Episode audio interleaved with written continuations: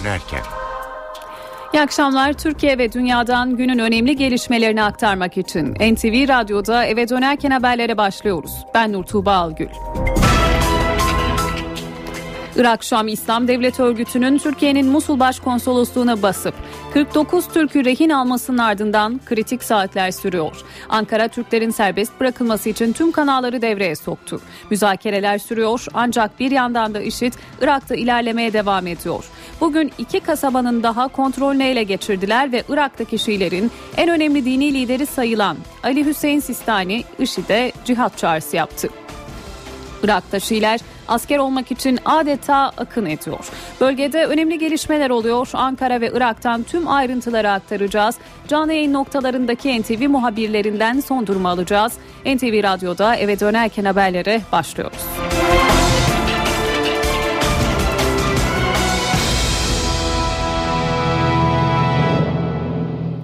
Başbakan Recep Tayyip Erdoğan IŞİD'in rehin aldığı 49 Türk'le ilgili önemli bir açıklama yaptı. Konsolosla telefon görüşmesi yaptığını, sağlık durumlarının iyi olduğunu, bir an önce kurtarılmaları için çalıştıklarını duyurdu. Başbakan bu açıklamayı Rize'de yaptı. Ankara'da ise Dışişleri Bakanlığı'nda Musul gündemli olağanüstü toplantılar sürüyor. Türkiye bir yandan Musul'daki rehin vatandaşlarını kurtarmaya çalışıyor. Diğer yandan Irak'taki riskli bölgelerde bulunan Türk vatandaşlarını da ülke dışına çıkarmak için tahliye hazırlıkları başladı. NTV muhabiri Deniz Kilislioğlu Dışişleri Bakanlığı'nda biz son notları alacağız Deniz'den. Deniz söz sende. Dışişleri Bakanlığı'ndaki koordinasyon toplantısı başladı. Toplantıya MİT Müsteşarı, Ekonomi, Ulaştırma, Enerji Bakanları katılıyor. Gümrük Bakanlığı'ndan da yetkililer yine toplantıda. Bu toplantının amacı Türkiye'nin Irak'taki e, vatandaşlarını tahliye edilebilmesi için yapılan çalışmalar ve bu çalışmaların koordineli yürütülmesi. Toplantının amacı bu. Bu yüzden bu isimler bir araya geliyor. E, şunu söyleyelim, Türkiye bir taraftan e, Musul'daki rehin vatandaşlarını kurtarmaya çalışıyor. Diğer taraftan bahsettiğimiz gibi Musul, Kerkük, Bağdat gibi vilayetlerdeki vatandaşlarını ülkeden çıkarma arayışında. Öncelikle tahliye ilgili uyarıları aktaralım. Bakanlık bir yazılı açıklama yaptı. İlk aşamada çatışmaların en yoğun yaşandığı Musul, Kerkük, Selahattin, Diyala, Ambar ve Bağdat'ta bulunan vatandaşlarımız en kısa sürede bu vilayetlerden ayrılmalı denildi. Seyahat etmeyi düşünenlere ise kuvvetle bundan kaçının tavsiyesi yaptı. Tabi bir taraftan gözlerde rehinelerde Musul'da rehin alınan konsolosluk çalışanlarından ve Türk şoförlerinden hala bir haber yok. Ankara'daki hava bugün de serbest bırakılamayabilecekleri yönünde ama tüm çabalarda devam ediyor. Türkiye bölgedeki tüm aşiret liderleriyle Arap ve Türkmen gruplarla temas halinde rehinelerin kurtarılması için ikna çabası sürüyor. Dışişleri Bakanı Ahmet Davutoğlu bir taraftan görüşmelerini e, sürdürüyor. Irak Türkmen Cephesi Başkanı Erşat Salih ile bir görüşme yaptı bugün ve tüm gün Dışişleri Bakanlığı'nda da toplantı üstüne toplantı yapıldı. Bu arada tabii ki Kuzey Irak bölgesel yönetiminin de devrede olduğunu biliyoruz. NTV'ye konuşan Kürt bölgesi yetkilileri çok ciddi bir konu. Rehin alınan gruba ulaşmak için kanallar bulmaya çalışıyoruz. Türkiye ile sürekli bilgi paylaşıyoruz şeklinde konuştu. Yetkililer NTV'ye bu bilgileri verdi. Dolayısıyla Ankara'nın Musul mesaisi devam ediyor. Bir taraftan rehin olan Türk vatandaşlarının kurtarılması için yoğun bir çaba var. Ama diğer taraftan e, oradaki vatandaşları Irak'tan çıkarabilmek için çatışmalı bölgelerdeki vatandaşları Irak'tan çıkarabilmek için tahliye çalışmaları da sürüyor. Bu arada Türk Hava Yolları Irak'tan Türkiye'ye dönmek isteyen Türk vatandaşları için ek seferler koyabileceğini duyurdu. Şirketten yapılan yazılı açıklamada bölgede resmi tatil olmasına rağmen Türk Hava Yolları ofislerinin çalıştığı ve Bağdat, Basra, Necef, Süleymaniye ile Erbil havaalanlarından seferlerin devam edeceği duyuruldu. Başbakan Recep Tayyip Erdoğan, IŞİD'in Türk konsolosluğunu baskını ve Türkleri rehin almasından sonra bir dizi toplantı yaptı. Tüm ilgililerle konuştu ve bugün kamuoyuna ilk kez açıklama yaptı. Rize'de açılış töreninde konuşan Başbakan, IŞİD'in elindeki Türk konsolosla telefonla konuştuğunu, rehin Türklerin sağlık durumunun iyi olduğunu söyledi. Önceliğimiz rehin vatandaşlarımızın sağ salim evlerine dönmelerini sağlamak diyen Başbakan, muhalefetin süreçteki tavrına da tepki gösterdi. Şahsen başta kendim olmak üzere başkonsolosumuzla da görüşmem oldu. Bu personelimizin ve aile fertlerinin geri dönmeleri için her imkanı şu anda seferber etmiş durumdayız. Ayrıca Birleşmiş Milletler, NATO gibi uluslararası kuruluşlar nezdinde uluslararası hukuk altyapısını da oluşturuyoruz. Sadece başkonsolosluktaki personelimiz ve aileleri için değil, Musul'un bir ilçesinde rehin alınan 31 vatandaşımız için de çok yoğun temaslar kuruyoruz. Musul'daki gelişmeleri an be an ve dikkatle takip ediyoruz. Şu an birinci önceliğimiz Musul'daki vatandaşlarımızın can güvenliğidir. Bu yüzden biz muhalefet partileri gibi davranamayız. Çünkü onların sırtında yük küfesi yok.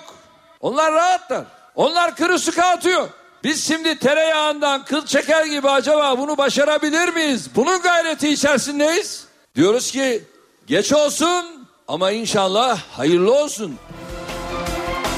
Muhalefet ise yaşananlardan hükümeti sorumlu tutuyor ve bunun bir bedelinin ödenmesi gerektiğini savunuyor. CHP Genel Başkanı Kemal Kılıçdaroğlu Türkiye'nin Orta Doğu'da çıkmaza girdiğini iddia etti. Dışişleri Bakanı'nın istifasını istedi.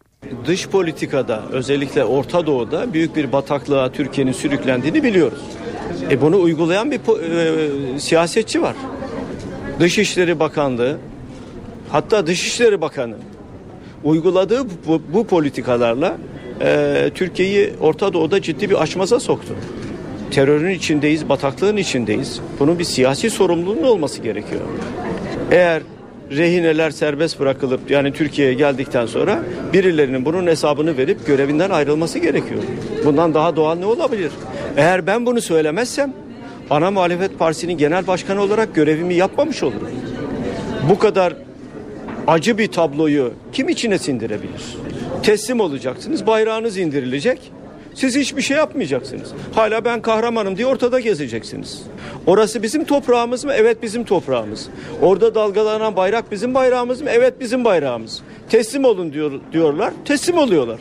Bayrak indiriliyor. E şimdi bunlar zaferle mi gezecekler ortada? Birilerinin bunun hesabını vermesi lazım. Onurlu insanlar bu tür durumlarda görevlerinden ayrılırlar. MHP Genel Başkanı Devlet Bahçeli de Irak'taki rehin Türklerin acilen kurtarılması gerektiğini söyledi. Askeri müdahale seçeneği öncelikli olmak üzere tüm tedbirler hemen alınmalıdır dedi. Yazılı açıklama yapan Bahçeli, Irak Türkmenlerinin tarihin en büyük dramıyla karşı karşıya olduğunu söyledi. IŞİD'in tavrı hem Irak'ın toprak bütünlüğüne hem de Türkiye'nin milli çıkarlarına düşmanca bir tutumdur dedi.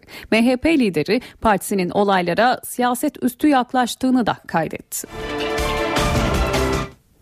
Irak Şam İslam Devleti'nin bu kadar kısa sürede birçok kenti ve kasabayı ele geçirmesinin istihbarat örgütlerini ve stratejistleri şaşırttığı söylenebilir. Bu ilerleyişte Bağdat yönetiminin izlediği dışlayıcı tutumun etkili olduğu ifade ediliyor. İşte IŞİD'in Irak'taki yükselişinin nedenleri. Irak Şam İslam Devleti örgütünün Irak'ın ikinci büyük kenti Musul'u ele geçirmesi soruları da beraberinde getirdi. Bölgeyi iyi tanıyan uzmanlar örgütün özellikle Sünni nüfusun yaşadığı bölgelerde kontrolü ele geçirdiğine dikkat çekiyor. Irak ordusunun varlık gösteremediği bu bölgelerde Irak Şam İslam Devleti Sünni nüfusun desteğini almış durumda. Çok sayıda Sünni aşiretin yanı sıra Bağızçılar, Saddam Hüseyin döneminde orduda görev yapmış askerler ve geçmişte El-Kaide ile savaşan Sünni gruplar da şimdi IŞİD'le birlikte hareket ediyor. Bu durumun sorumlusu olaraksa Şii Başbakan Nuri El Maliki görülüyor. Maliki'nin iktidarı boyunca Sünnileri devlet kurumlarıyla güvenlik birimlerinden dışladığı, siyaset sahnesinde de etkisiz kılmaya çalıştığı belirtiliyor. Irak Şam İslam Devleti örgütünün özellikle son iki yılda Sünnilere karşı izlenen ayrımcı tutumu kullandığı ve Maliki karşıtlarını yanına çekmeyi başardığı ifade ediliyor. Irak'ta Sünni Arap kuşağında ilerlemeye devam eden örgütün Irak ordusundan ele geçirdiği silahlar ve Musul bankalarındaki yüz milyonlarca dolarla birlikte bugüne kadar ulaştığı en güçlü konumda olduğu vurgulanıyor.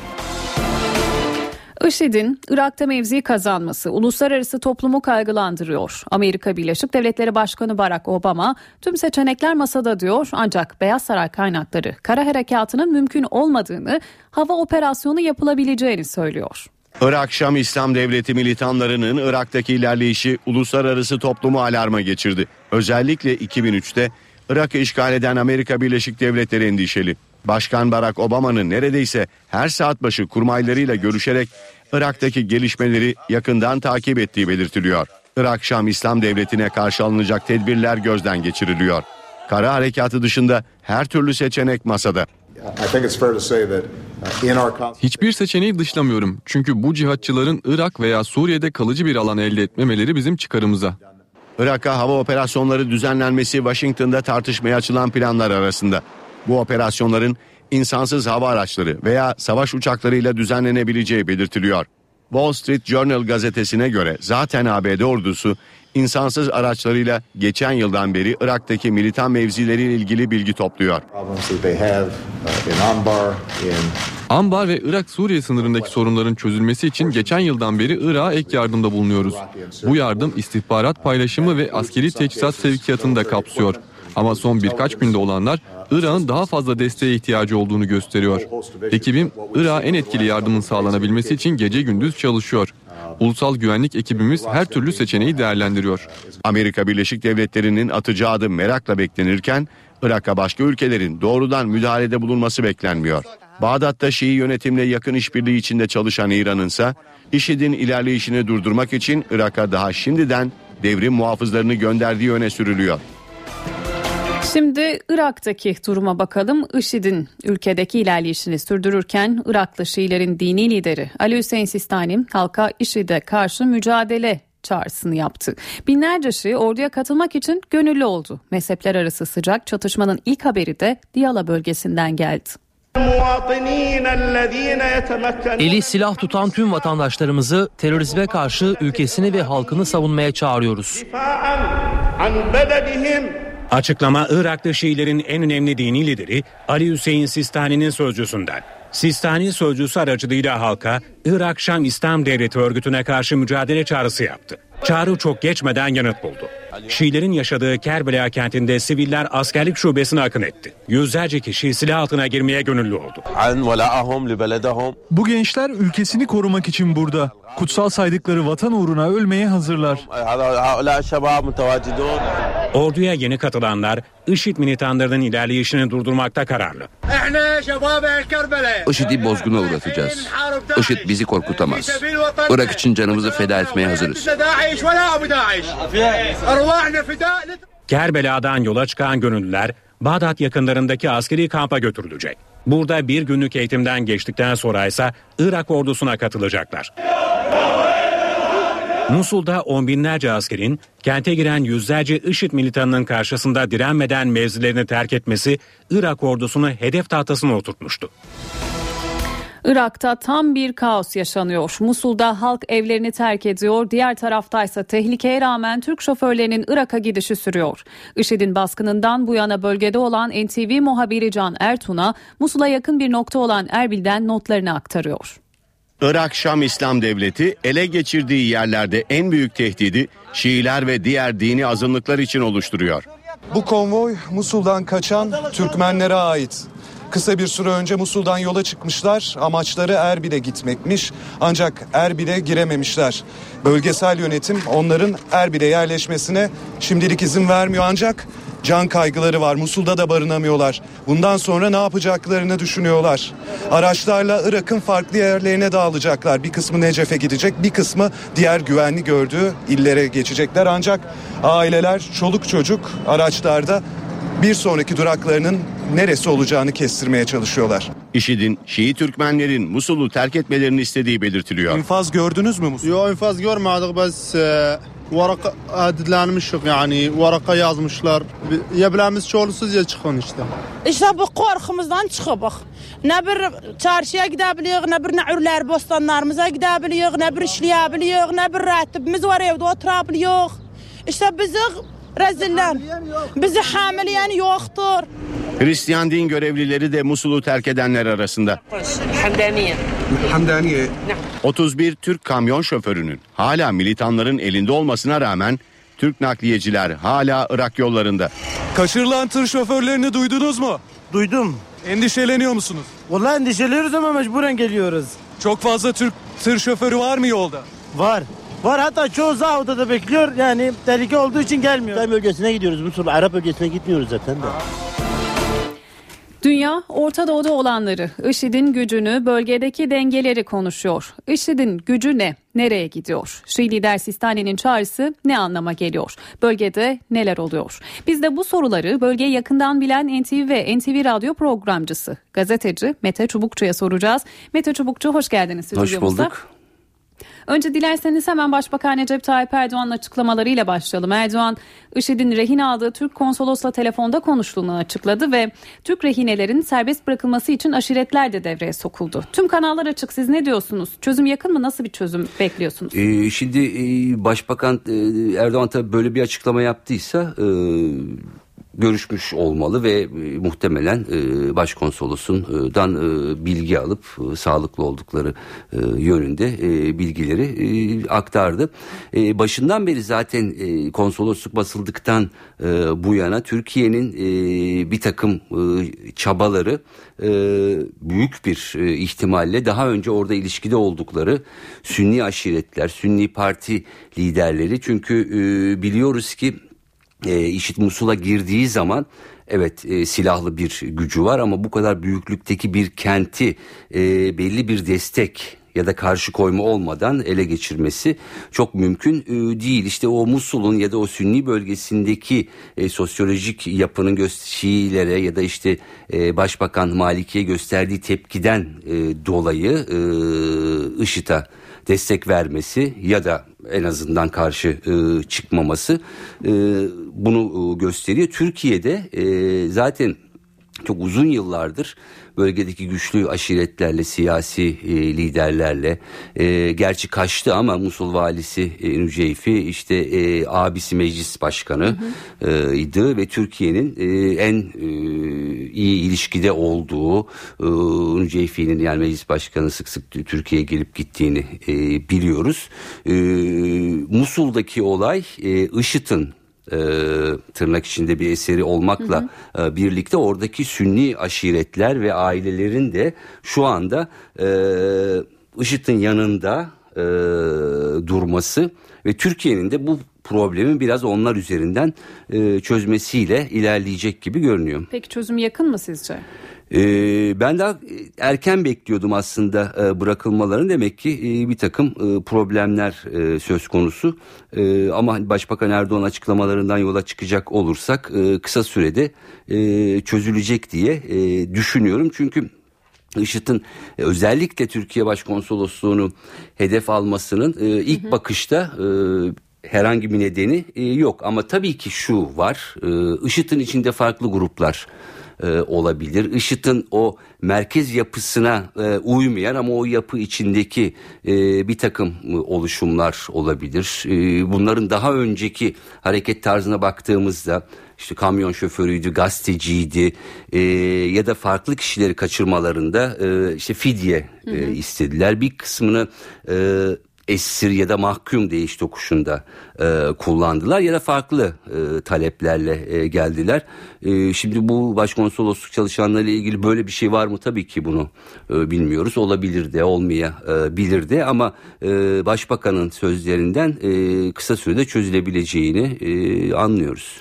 Peki Öte taraftan IŞİD hedefinin Bağdat olduğunu söyledi. Bu da hı hı. tartışılan konulardan bir tanesi. Bağdat'a ulaşma gücü var mı sizce? Bölgenin yapısını özellikle bilen bir gazeteci hı hı hı. olarak buna izin verilir mi? Şimdi e, Bağdat'a ilerleyebilirler Hı. ama Bağdat'ta ne kadar başarılı olurlar e, bu orada bir soru işareti var. Çünkü orada birkaç tane e, engel var. E, birincisi e, Irak ordusu var. Irak ordusunun Musul'da çarpışmayıp kaçan e, kısmının tersine e, Bağdat'ta bulunan e, ve güneyde bulunan askerler Şii ağırlıklı. Dolayısıyla orada e, bir direnç olacaktır. E, yine hemen biraz önce geldi haber e, Irak ordusunun helikopterlerin Tikrit'te hı hı. bazı yerleri e, bombaladığı. E, ellerinde F-16'lar var sayıları çok fazla olmasa da helikopterler var ağır silahlar yani bir ordunun olabileceği.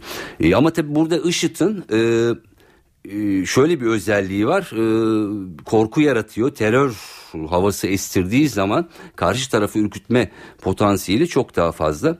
E, tabii burada şeye de dikkat etmek lazım. E, Sistani'nin açıklamaları ki Sistani e, Evet Şii... tam da o noktada evet, evet. Sistani'nin açıklamalarını biz de aktardık. Sistani halka IŞİD'e karşı mücadele çağrısı yaptı ve binlerce Şii orada orduya katılmak için gönüllü oldu. Mezhepler arası sıcak çatışma söz konusu. Bu konu hakkındaki yorumlarınız neler? E, şimdi Sistani e, Şii dünyasının aslında e, sadece Irak'ta e, değil e, en üst dini merci sayılabilir. Yani İran İslam devrimi olmadan önce yani merkez Kuma Irak'taki e, İran'daki Kum'a gitmeden önce Şiilerin merkezi e, Necef'ti ve Sistani e, gerçekten Şii dünyasının en üst e, ayetullahı denilebilir.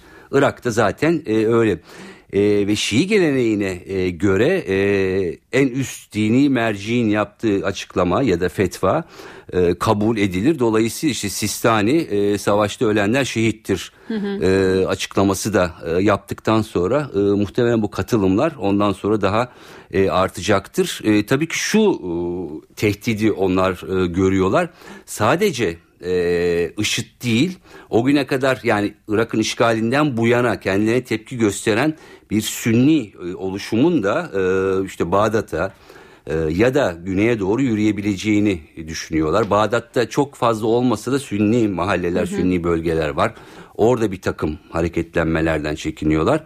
Ee, burada tabii ki direnç olacaktır ama bu tabii çok tehlikeli bir nokta. Yani e, evet Şiilerle Sünniler arasında işgalden sonra çok ciddi çatışmalar oldu. Bombalamalar, intihar saldırıları e, hep e, oldu. Ama bu çok daha farklı bir karşılaşma. Belki şunu da eklemek gerekir. Şimdi Bağdat'a ilerlemek e, aslında bir sürü şeyi de karşısına alması anlamına geliyor. E, işte Obama müdahale ederiz hı hı. E, dedi. E, ben hala bir karadan müdahalenin olacağını düşünmüyorum. Farklı yöntemler kullanacaklardır ama Bağdat'ta e, neredeyse e, belki dünyadaki en büyük, en geniş ve kapsamlı e, büyük, Amerikan Büyükelçiliği vardır. Yani bir kale gibi. 3-4 bin kişinin hatta evet. e, içinde olduğu e, söylenir, çalışan olduğu söylenir. Böyle bir durumda Amerika'nın tabii ki e, ciddi bir kuvvetle, bir e, indirmeyle bu e, kons- büyükelçiliği korumak için artık havadan değil karadan müdahalesi ama orayı korumak için. Dolayısıyla bu da e, sonuçta eğer ilerleyecekse işit ya da başka militanlarla bir çatışmayı da e, gündeme e, getirecektir. E, yani Bağdat sadece hani Şiilere karşı değil bütün e, sonuçta dünyanın büyük elçiliklerin olduğu bir yer. Orada farklı durumlar ortaya çıkabilir. Siz de aktardınız, değindiniz ama biraz daha açmakta fayda var. Şimdi Washington'ın ne yönde bir yol haritası belirleyeceği merak ediliyordu ve tüm seçenekler masada açıklaması geldi. Kara harekatı değil havadan müdahalenin evet. söz konusu olmayacağını da paylaştınız ama bu noktadan sonra sizce nasıl bir ilerleme sağladınız ben Amerika cephesinde? Yani ben hala e, yani Irak'ın işgalinde olduğu gibi e, bir gücün e, Amerikan gücünün aşağı inip karada savaşacağını şu an için düşünmüyorum. Yani hep ilk seçenek, ilk opsiyon çok uzun yıllardır gördüğümüz gibi Afganistan'da olsun, Pakistan'da olsun hep havadan, uzaktan işte insansız bir takım araçlarla işte konvoyları bulmak, vurmak, merkezleri e, vurmak, o türde e, şey yapmak, saldırmak ama bu nereye kadar e, işi çözer e, orası e, şüpheli ama bunu e, Amerika e, muhtemelen yapacaktır. Dediğim gibi eğer gerçekten Bağdat'a yönelik bir Bağdat'ın düşmesi gibi bir söz e, bir şey söz konusu olursa o zaman tabii ki o kendi oradaki varlığını e, korumak için aşağıya asker indirecektir. Bu tabii bir ordu gibi olmayacaktır ama e, sonuçta e, orada Amerikan askerlerini şöyle ya da böyle görebiliriz. Belki başka askerleri de görebiliriz. Çünkü orada bütün ülkelerin bu tür şeyleri var. ben onun için hala IŞİD'in Bağdat'a topyekün bir saldırıda bulunacağını en azından e, şimdilik e, düşünmüyorum ama e, gelen haberler özellikle e, Orta Sünni e, bölgesinde e, IŞİD'i e, tabi bu 10 yıllık e, birikim hı hı. neticesinde e, bir takım aşiretler, aileler, eski Bağız Partisi üyeleri, militanlarının e, desteklediği hatta işte e, Duri vardı İzzet İbrahim El Duri e, Bağız Partisi'nin hatta Saddam Hüseyin'in ikinci adamıydı yani Cumhurbaşkanı yardımcısıydı. Ee, uzun süredir görünmüyordu, yoktu. Öldü dendi, işte kanser dendi, ortadan e, kayboldu. Onun tekrar ortaya hı hı. E, çıktı. Hatta o bölgede e, olduğu e, ve IŞİD'le birlikte e, olup Hareket işte Şiilere ya da işte o eski e, çünkü iktidardalardı uzun yıllardır. E, biraz da artık o eskinin e, intikamı ya da ona yönelik bir hareketi e, birlikte e, gerçekleştireceklerini dile getiriyorlar. Bu ne kadar hayata geçer belli değil ama sonuçta iş sadece IŞİD olmaktan çıkıyor ya da çıkma ihtimalini barındırıyor. Bir resmen bir mezhep e, Irak'ta hep konuşulan, hep tartışılan, karşılıklı birbirlerini e, hakikaten hırpalayan, öldüren e, yapıların bu sefer karşılıklı e, savaşma ihtimalleri de e, savaşmalara da ihtimal dahiline giriyor gibi görünüyor. Evet Dünya Orta Doğu'yu konuşuyor dedik. Anlaşılan o ki konuşmaya da devam edeceğiz ama sizden son bir öngörü istesek. Hı hı. Son 24 saatte neler yaşanabilir veya daha uzun bir süre zarfında neler yaşanabilir? Genel perspektiften baktığımızda hı. neleri öngörüyorsunuz? Evet. Şimdi birkaç tane şey var. Yani bir Türkiye ile ilgili e, kısmı var. Hı hı. Rehine krizinde bir, üçüncü evet, gün. rehine krizi var. Bir Irak'ın kendisiyle e, ilgili bir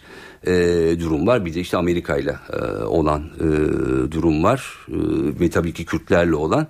E, ya muhtemelen Türkiye ile ilgili olan kriz e, kısa sürede çözülecektir. E, ama tabii şöyle de bir şey e, var. E, bu şimdi eleştiriliyor. İşte Musul'da e, zamanında yapılmayan e, tahliye uyarısı e, tahliye uyarısının zamanında yapılmadı ama şimdi yapılan bir açıklamayla Irak'taki Türk e, Türkiye Cumhuriyeti vatandaşlarının tahliyesi hı hı. yönünde yani e, ülkeyi terk etmeleri yönünde hatta bir takım e, çalışanların Bağdat'tan hı hı. döndüğü çünkü e, e, güneyde de Basra kısmında da çok sayıda e, Türk çalışan var. Çeşitli inşa, inşaatlarda, çeşitli e, firmalarda. Onlar yavaş yavaş geri dönecektir.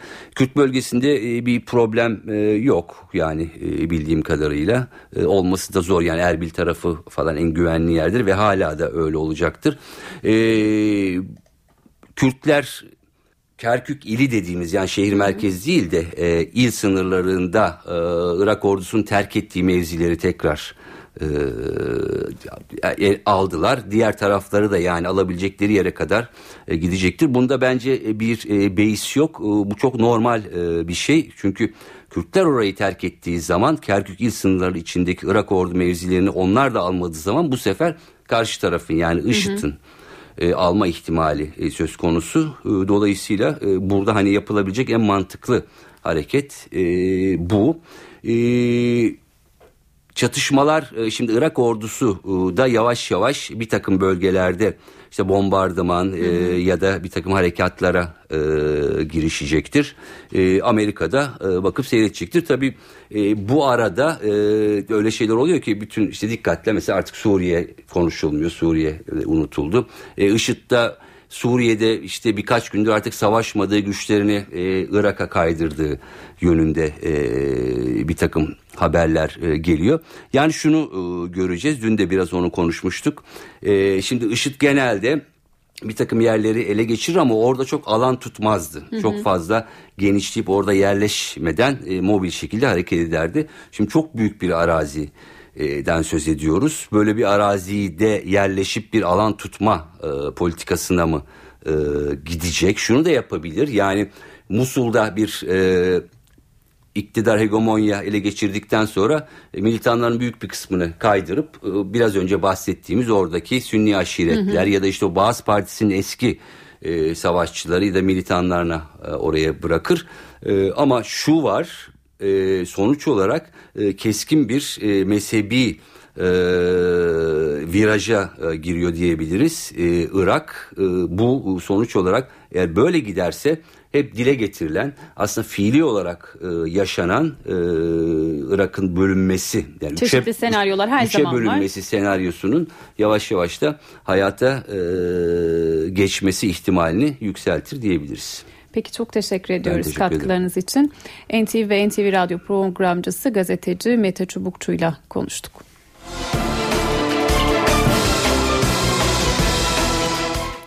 IŞİD'in Irak'taki ilerleyişi petrol piyasasını alt üst etti. Petrol fiyatı son 9 ayın en yüksek seviyesine çıktı. Varil petrolün fiyatı 3 günde %4 yükselerek 114 dolar oldu. Petrol piyasasında Irak alarmı yaşanıyor. Irak Şam İslam Devleti örgütünün Musul ve çevresinde kontrolü ele geçirmesi küresel piyasalarda petrol fiyatını son dönemin en yüksek seviyesine çıkardı. Bağdat yönetiminden gelen bir açıklama ise piyasalardaki endişeyi ikiye katladı. Irak Petrol Bakan Yardımcısı Mutesim Ekrem, Irak'ın batısındaki petrol boru hatlarının çoğunun IŞİD'in kontrolüne geçtiğini açıkladı. Ekrem farklı kentler üzerinden Irak petrolünü ihraç etme çabası içerisinde olduklarını söyledi. Çatışmaların petrol kuyularının bulunduğu ve boru hatlarının geçtiği bölgelerde yaşanması tedirginliğin artmasına yol açıyor. Irak, Suudi Arabistan ve İran'dan sonra en çok petrole sahip üçüncü ülke. Dünya üzerindeki petrol rezervlerinin %9,1'i Irak'ta bulunuyor. Petrol üretimi konusunda ise dünya yedincisi. Irak günde 2,5 milyon varil petrol ihraç ediyor. Bu petrolün büyük bir kısmı Şii Başbakan Nuri El Maliki'nin kontrolündeki güney kentlerinden çıkarılıyor. Ancak IŞİD'in günde 300 bin varil petrol üretimiyle ülkenin en büyük petrol rafinerisinin bulunduğu Beyci'yi kuşatması enerji güvenliği ile ilgili endişeleri körüklüyor. Türkiye'ye petrol taşıyan kilit öneme sahip petrol boru hatları da IŞİD'in kontrolündeki bölgelerden geçiyor. Kerkük-Ceyhan boru hattı bunlardan biri. Irak petrollerinin %15'i bu hat üzerinden taşınıyor. Eve dönerken haberleri şimdi kısa bir ara veriyoruz ardından devam edeceğiz. Eve dönerken devam ediyor. Para ve sermaye piyasalarındaki işlemlere bakalım şimdi. Borsa İstanbul şu sıralarda 78.975 seviyesinde. Serbest piyasada dolar 2 lira 12 kuruş, euro 2.87'den işlem görüyor. Kapalı çarşıda ise Cumhuriyet altını 584, çeyrek altın 142 liradan satılıyor. Eve dönerken haberleri şimdi kısa bir ara veriyoruz. Saatler 18'i gösterdiğinde gündemde öne çıkan gelişmeleri aktarmaya devam edeceğiz. Eve dönerken devam ediyor. Saat 18 NTV Radyo'da eve dönerken haberler devam ediyor. Irak'ta IŞİD'in rehin aldığı Türklerin serbest bırakılması için Ankara teyakkuzda. Bu amaçla tüm kanallar devreye sokulurken IŞİD'in ilerleyişi sürüyor ve buna karşı Şii lideri Sistani cihat çağrısı yaptı. Ankara, Irak'ta kritik bölgelerde yaşayan Türk vatandaşlarının ülke dışına çıkarılması için hazırlıklara başladı. Öne çıkan gelişmeler özetle böyle. Şimdi ayrıntılara geçelim.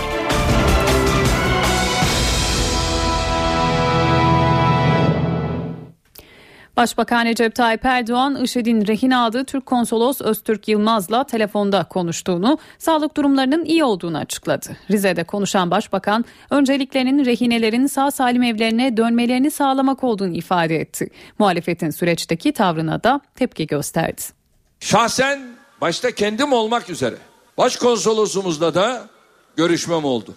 Bu personelimizin ve aile fertlerinin geri dönmeleri için her imkanı şu anda seferber etmiş durumdayız. Ayrıca Birleşmiş Milletler, NATO gibi uluslararası kuruluşlar nezdinde uluslararası hukuk altyapısını da oluşturuyoruz. Sadece başkonsolosluktaki personelimiz ve aileleri için değil, Musul'un bir ilçesinde rehin alınan 31 vatandaşımız için de çok yoğun temaslar kuruyoruz. Musul'daki gelişmeleri an be an ve dikkatle takip ediyoruz. Şu an birinci önceliğimiz Musul'daki vatandaşlarımızın can güvenliğidir.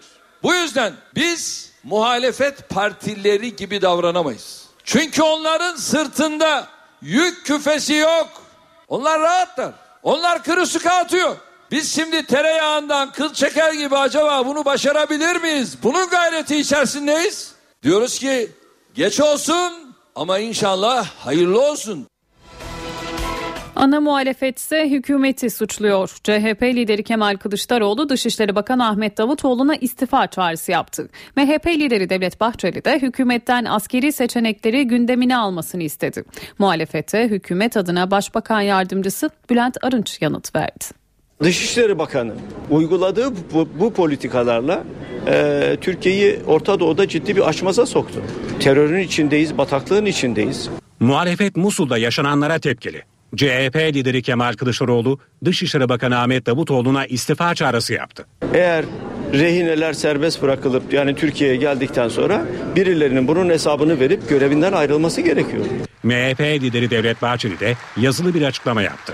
Hükümeti askeri seçenekleri de içerecek şekilde harekete geçmeye çağırdı. AKP hükümeti hiçbir bahaneye sığınmadan Musul Başkonsolosluğumuzu cebren ve şiddetle ele geçiren IŞİD örgütüne haddini bildirmeli ve Türk vatandaşlarını çok acil kurtarmalıdır. Hükümet hemen askeri müdahale seçeneği öncelikli olmak üzere tüm tedbirleri hızla, sırasıyla ve etap etap planlamalı, arkasından da çekinmeden, korkmadan icra etmelidir. Muhalefetten gelen eleştirilere yanıt Başbakan Yardımcısı Bülent Arınç'tan geldi.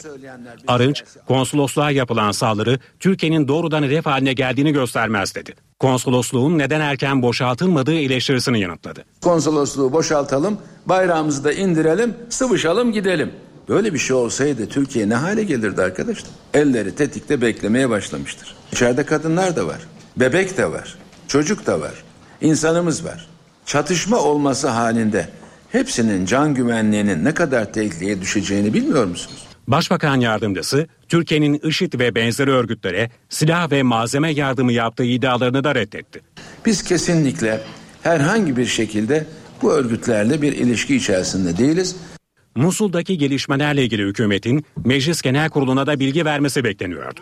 Ancak sürecin hassasiyeti nedeniyle bilgilendirme ikinci kez ertelendi. Parlamentoya bilgi vermeme e, takdiri tamamen hükümetin e, takdiridir. IŞİD'in rehin aldığı Türklerin serbest bırakılması için tüm kanallardan görüşmeler sürüyor. Ankara aşiretlerle ve Araplarla görüşüp IŞİD'i iknaya çalışırken diğer yandan da Irak'taki kritik bölgelerde bulunan Türk vatandaşlarının ülke dışına çıkartılabilmesi için tahliye hazırlıkları başladı. Musul'da rehin alınan konsolosluk çalışanları ve şoförleri kurtarmak için çabalar sürüyor. Türkiye, bölgedeki tüm aşiret liderleri Arap ve Türkmen gruplarla temas halinde.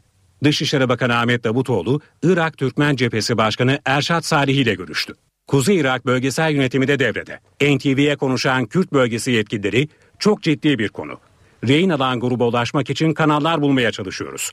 Türkiye ile sürekli bilgi paylaşıyoruz dedi. Ankara bir taraftan da Irak'taki 120 bin Türk'ü ülkeden çıkarmaya çalışıyor.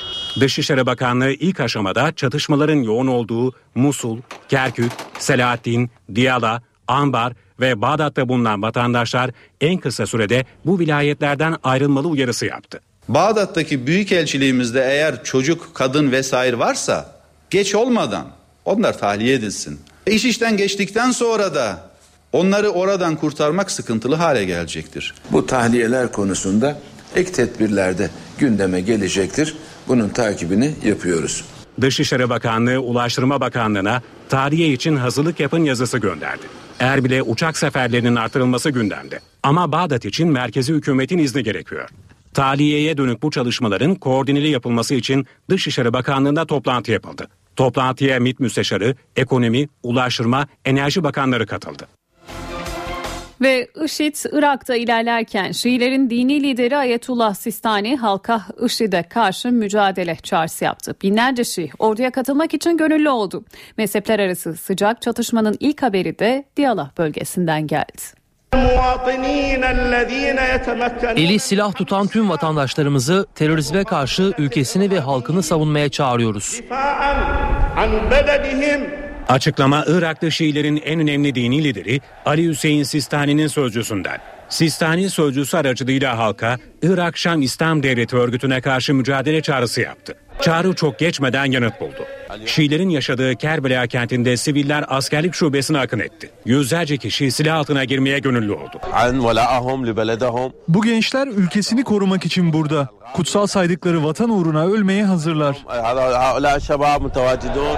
Orduya yeni katılanlar IŞİD militanlarının ilerleyişini durdurmakta kararlı. IŞİD'i bozguna uğratacağız. IŞİD bizi korkutamaz. Irak için canımızı feda etmeye hazırız. Kerbela'dan yola çıkan gönüllüler Bağdat yakınlarındaki askeri kampa götürülecek. Burada bir günlük eğitimden geçtikten sonra ise Irak ordusuna katılacaklar. Musul'da on binlerce askerin kente giren yüzlerce IŞİD militanının karşısında direnmeden mevzilerini terk etmesi Irak ordusunu hedef tahtasına oturtmuştu. IŞİD'in Irak'taki ilerleyişi sürüyor. Bugün iki kasabayı daha ele geçiren IŞİD egemenlik alanlarında şeriat hükümlerini uygulamaya koydu. Çatışma noktalarında yaşayanlarsa evlerini terk ediyor. Son bilgileri NTV muhabiri Can Ertun'a Erbil'den bildiriyor. Bağdat'ın oldukça yakınlarında Diyala eyaletinde Bakuba kentinin dışında Irak Şam İslam Devleti çeşitli kasabaları ele geçirdi. Gözümüzde canlandırmak için Bakuba ile e, Bağdat'ın arasının yaklaşık 60 kilometre olduğunu belirtelim. Yani Bakuba'nın dışı 70 kilometre yakın durumda Irak Şam İslam Devleti örgütü. Irak Şam İslam Devleti örgütü milislerinin hedefinde Irak'ta e, ağırlıklı olarak e, Şiiler ve diğer e, din mensupları var, azınlık mensupları var. İşte bu da ülkedeki mezhep gerilimini üst seviyeye tırmandırıyor. Musul'dan bir ayrıntıya aktaralım. Musul'da Irak Şam İslam Devleti yönetimi ele geçirdikten sonra şeriat kur- kurallarını e, ilan etti. Rakka'da da görmüştük Suriye'nin Rakka kentinde de sıkı şeriat kuralları geçerli. Musul'un içinden bazı kişilerle konuşma imkanı bulduk bugün telefon aracılığıyla. Örneğin kadınların tamamen örtünmeden sokağa çıkmalarının yasaklanması, hırsızlık yapanların ellerinin kesilerek cezalandırılması ve e, katı bir diğer bazı diğer uygulamaların artık gündemde olduğunu söylediler. Aynı zamanda IŞİD milisleri Musul'da kalmışsa eğer Irak ordusuna ve emniyet güçlerine bağlı e, personeller içinde bir insan avı başlattı. Açıkçası Irak'ta gerilim her geçen gün artıyor ve gerilimin adresi biraz daha Bağdat'a doğru kaymaya başlıyor. Son olarak Sistani'nin açıklamasının da önemli olduğunu belirtelim. Gerçi İran'ın da devrim muhafızlarını Bağdat yönetimine destek için bu ülkeye Bağdat'a gönderdiği yönünde bazı haberler vardı ancak bu haberler elbette Tahran yönetimi tarafından doğrulanmış değil. Gelişmeleri izliyoruz ve aktarmayı sürdüreceğiz. Irak'la ilgili Birleşmiş Milletler'den uyarı geldi. BM, Irak Şam İslam Devleti militanlarının ele geçirdiği Musul'da yüzlerce insanın öldürüldüğünü duyurdu. BM sözcüsü, halkın sadece IŞİD militanlarından değil hükümet güçlerinden de kötü muamele gördüğünü savundu. Birleşmiş Milletler cinsel istismara uğrayan Iraklı bazı kadınların intihar ettiğini de bildirdi. Örgüt evlerini terk edenlerin acil yardıma ihtiyaç duyduğuna dikkat çekiyor. Irak'taki çatışmalar nedeniyle bu yılın başından beri evlerini terk edenlerin toplam sayısı 800 bini bulmuş durumda. Musul'daki olaylar Ankara ile Erbil arasındaki petrol ticaretini etkiler mi? Yanıtı merak edilen bu soru Enerji Bakanı Taner Yıldız'a soruldu. Yıldız etkilemez dedi. IŞİD'in kontrolünde bulunan boru hattından zaten sevkiyat yapılmadığını söyledi. Şu anda IŞİD'in kontrolünde bulunan boru hattından sevkiyat yapılmıyor. Ama 3 aydan bu yana yapılmıyor. Kuzey Irak'tan dün de 120 bin variller civarında petrol, ham petrol devam etti. Bugün de akışta herhangi bir problem yok. Irak'ın bütünlüğü ve oradaki oluşacak bütün gelirin yine Irak halkının belirlediği tarzda paylaşılmasına Türkiye önem vermektedir. Bu petrol Irak'ın ürettiği, Türkiye'nin ilettiği ve dünya piyasalarına yine Ceyhan'dan su- sunduğu bir petroldür. O yüzden şu an bugün itibariyle kurguda herhangi bir değişiklik söz konusu değildir. Önceden ne konuşmuşsak biz onu e, uygularız. Bu petrolün geliri Irak'ın tamamına aittir. Ve Irak'ta şu ana kadar kurulamayan sistemi hatta bozulmaya çalışılan sistemi Türkiye yaptığı bu işlemle beraber kurmuştur. Bu önemli bir gelişmedir ve Türkiye bu olumlu duruşunu sürdürmeye devam edecektir. Bu arada Kuzey Irak petrolünün merkezi hükümetin engelleme çabalarına rağmen yeni alıcı bulduğu belirtiliyor. Reuters'ın haberine göre Rus firması Rosneft, Irak bölgesel Kürt yönetimine ait petrolü Almanya'daki bir rafineride işlemek için satın aldı. Petrolün sevk edildiği rafinerinin ana ortağı petrol devi BP'nin Almanya birimi. Irak merkezi hükümeti Kürt petrolünü satın alan şirketleri kara listeye alıyor. Bağdat bu petrolü alan şirketleri dava edeceğini de duyurmuştu. İstanbul kent genelinde yol durumunu aktarıyoruz. Öncelikle köprü geçişlerine göz atalım. Boğaziçi Köprüsü ile başlayalım. Boğaziçi Köprüsü'ne baktığımızda Avrupa'dan Anadolu'ya geçişte Cevizli Bağ'dan başlayan trafik köprü çıkışına kadar devam ediyor. Hatta daha da ilerleyen noktalarda yoğun bir trafik olduğunu söylememiz mümkün. Tam tersi istikamete göz atalım. Altunizade'den başlayan trafik yine köprü çıkışına kadar sürüyor. Yine yoğun olan bir diğer nokta Cevizli Bağ ile Şirin Evler arası. Fatih Sultan Mehmet Köprüsü'ne göz atıyoruz. Saatler 18-12'yi gösterirken FSM Köprüsü'nde oldukça yoğun bir trafik var diyebiliriz. Anadolu'dan Avrupa'ya geçişte kısmen de olsa yoğunluk köprü girişinden tam Çavuşbaşı'ndan başlıyor ve köprü çıkışına kadar devam ediyor. Tam tersi istikamette ise Trafiğin durma noktasına geldiği birçok nokta var. Ancak tem İstoç'tan başlayan trafik köprü girişinde biraz azalıyor diyebiliriz. Birkaç not da aktaralım. Bomonti Dolmabahçe yönünde de tünelde yapılacak bakım çalışması nedeniyle yol boyunca trafiğin yoğun olduğunu söylememiz mümkün. Eve dönerken haberlere şimdi kısa bir ara veriyoruz ardından devam edeceğiz. Eve dönerken devam ediyor. Saat 18.19 eve dönerken haberler devam ediyor. Irak'tan yeni bilgi ve haberler geldikçe sizlere aktarmaya devam edeceğiz diyelim ama şimdi Türkiye'nin bir başka gündemine Lice'de indirilen Türk bayrağı üzerinden yürütülen tartışmalara bakalım. Başbakan Erdoğan idari soruşturmalar başlatıldı İnşallah yakında faili de bulacağız dedi. Erdoğan bayrağın indirilmesinden başbakan sorumlu diyen CHP lideri Kılıçdaroğlu'na da sert sözlerle yüklendi. Utanmadan, sıkılmadan şu Kılıçdaroğlu denilen adam bayrağı diyor Erdoğan indirdir diyor. Bu millet senin yüzüne tükürür, tükürür. Sen bunu Erdoğan'a nasıl söylersin? Sen bir defa Hakkari'ye Türk bayrağıyla giren adam değilsin. Sen Hakkari'ye PKK'nın gölgesinde giren adamsın. Hakkari mitinginde bir Türk bayrağı sallandıramadın. Sivas'tan öte geçemedin. Siz Sivas'ın batısında kaldınız. İşte onun içinde aldığınız oy belli. Ama AK Parti Türkiye'nin 81 vilayetinde var. Elhamdülillah her yerde varız. Biz Türk bayrağıyla varız. Biz teşkilatımızda varız. Ama her yerde varız. Sen önce bir defa aynaya bak. Kendine çeki düzen ver. Kime neyi söylediğini bil. Ne dedik? Tek millet dedik. Başbakan Yardımcısı Bülent Arınç da MHP liderinin direğe tırmanan adam alnının çatısından vurulmalıydı sözüne sert çıktı.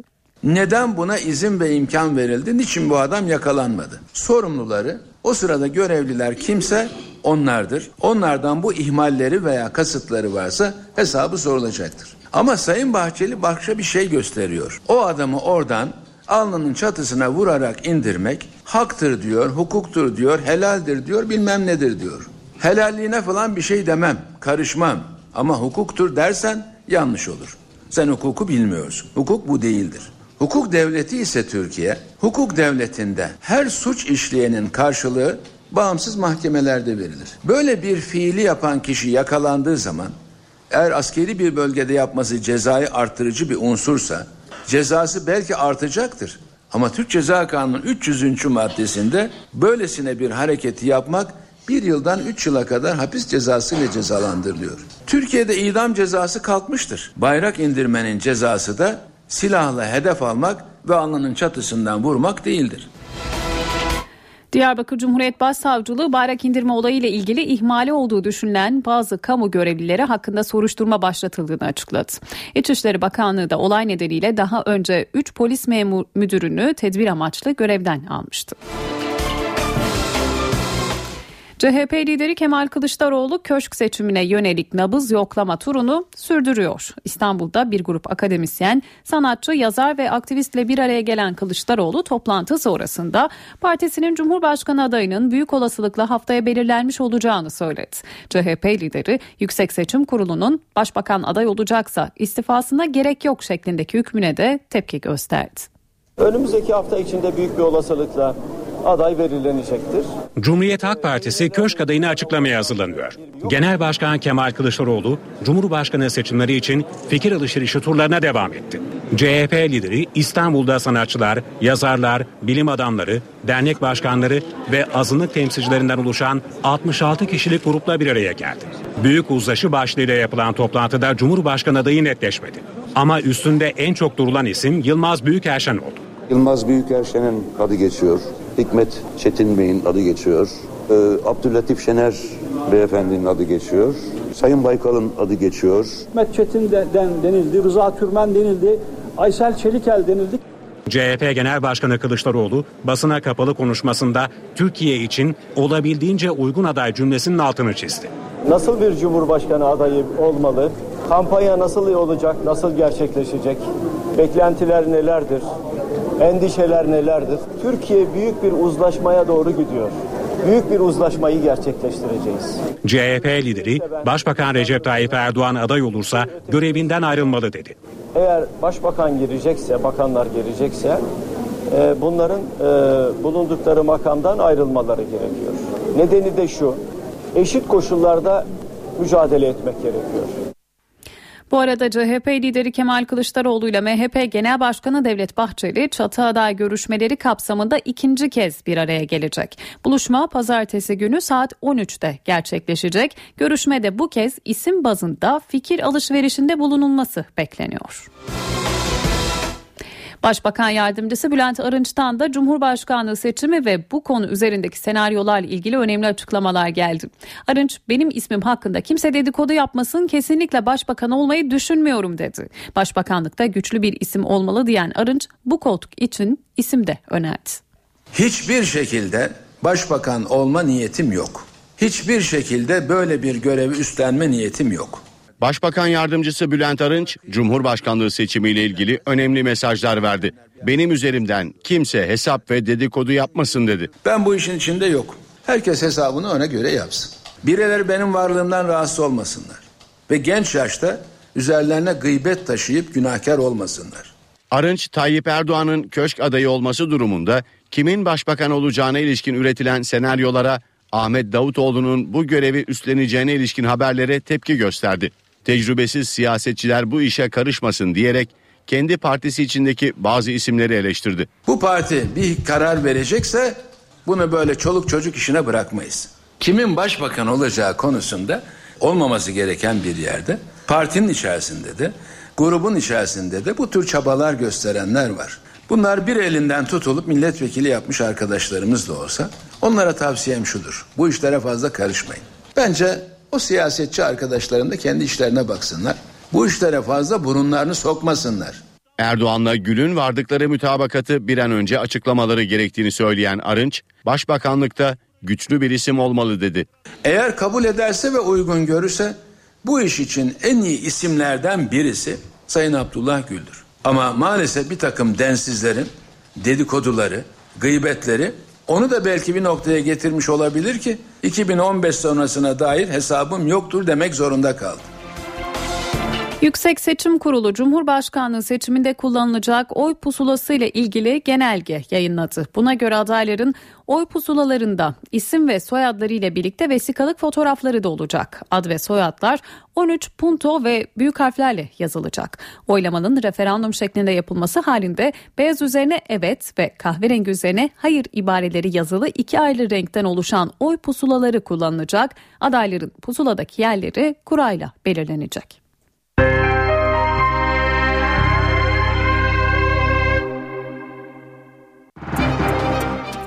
Para ve sermaye piyasalarındaki işlemlere bakalım şimdi. Borsa İstanbul haftayı 79.012 puandan tamamladı. Serbest piyasada dolar 2 lira 12 kuruş, euro 2.87'den işlem gördü. Kapalı çarşıda ise Cumhuriyet altını 585, çeyrek altın 142 liradan satıldı. Merkez Bankası Başkanı Erdem Başçı enflasyonun bu aydan itibaren düşüşe geçeceğini söyledi. New York'ta bir ekonomi forumunda konuşan Başçı, enflasyonun ardındaki bütün unsurları kontrol ettik, talep faktörlerine, kurla ilişkili unsurlara baktık. Haziranda düşüş başlayacak dedi. Başçı, cari açıktaki daralmanın sürmesini, büyümenin de yıl sonunda %4 olmasını öngördüklerini kaydetti. Erdem Başçı, hükümet üyelerinden Merkez Bankası'na yöneltilen eleştirilerin hatırlatılması üzerine ise herkes görüşlerini belirtebilir. Bu alan alanda tam bir şeffaflık söz konusu. Herkesi duyarız ve dinleriz, söylediklerine dikkate alırız ifadelerini kullandı. İstanbul'da toplu ulaşım ücretlerine zam yapıldı. İstanbul Kart 1.95 liradan 2.15 liraya, öğrenci 1 liradan 1 lira 10 kuruşa yükseltildi. Aylık mavi kartta tam 155 liradan 170 liraya, öğrenci 70 liradan 77 liraya, sosyal kartta 90 liradan 100 liraya çıktı. Yeni tarife 15 Haziran'da yürürlüğe girecek.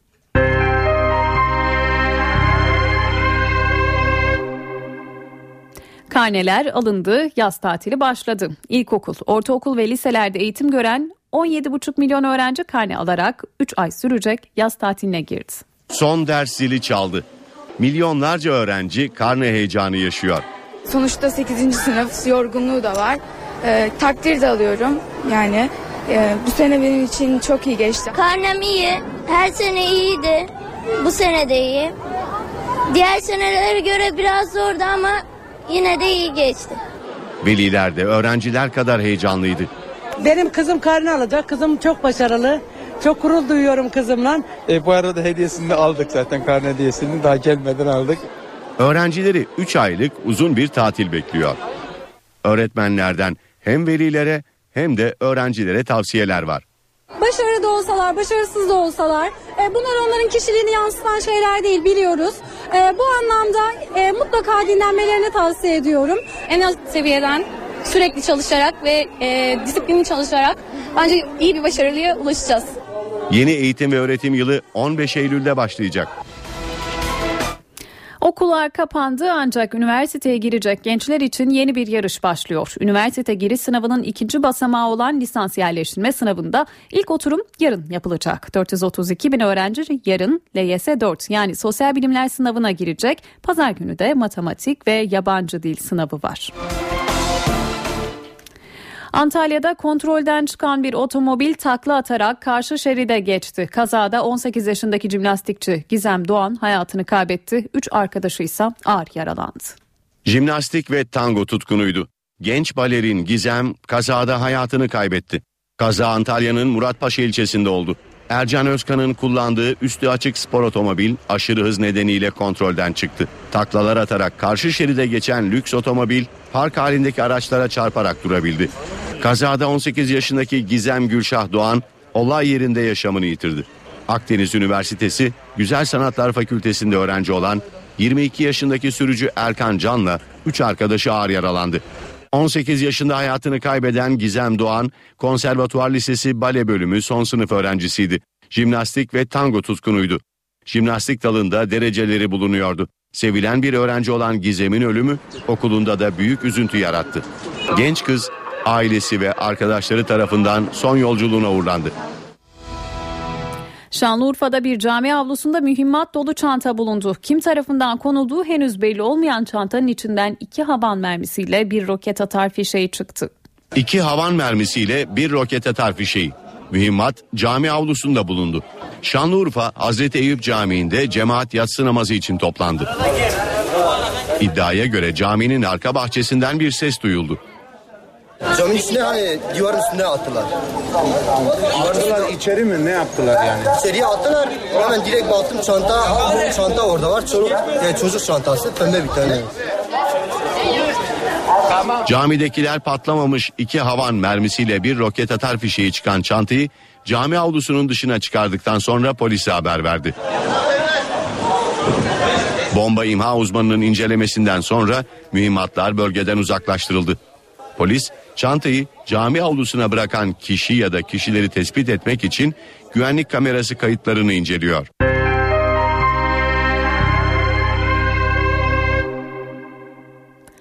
Saat 18.32 öne çıkan haberlerin satır başlarını hatırlatalım. Türkiye Musul'da rehin tutulan konsolosluk personeliyle tır şoförlerinden gelecek iyi haberi bekliyor. Ankara rehineleri elinde tutan IŞİD örgütüyle aşiretler üzerinden temasa geçti. Başbakan Erdoğan kaçırılan konsolosla telefonda görüştüğünü, rehinelerin sağlık durumunun iyi olduğunu söyledi. Dışişleri Bakanlığı'nda yapılan koordinasyon toplantısı da sona erdi. Alınan kararlar az sonra bir açıklamayla kamuoyuna duyurulacak. Şiilerin dini lideri Ayetullah Sistani ülke içerisinde ilerleyen IŞİD militanlarına karşı halkla mücadele çağrısı yaptı. Satır başlarını aktardık. Şimdi hava tahminlerini alacağız. NTV Meteoroloji Editörü Gökhan Aburuh dinliyoruz. İyi akşamlar.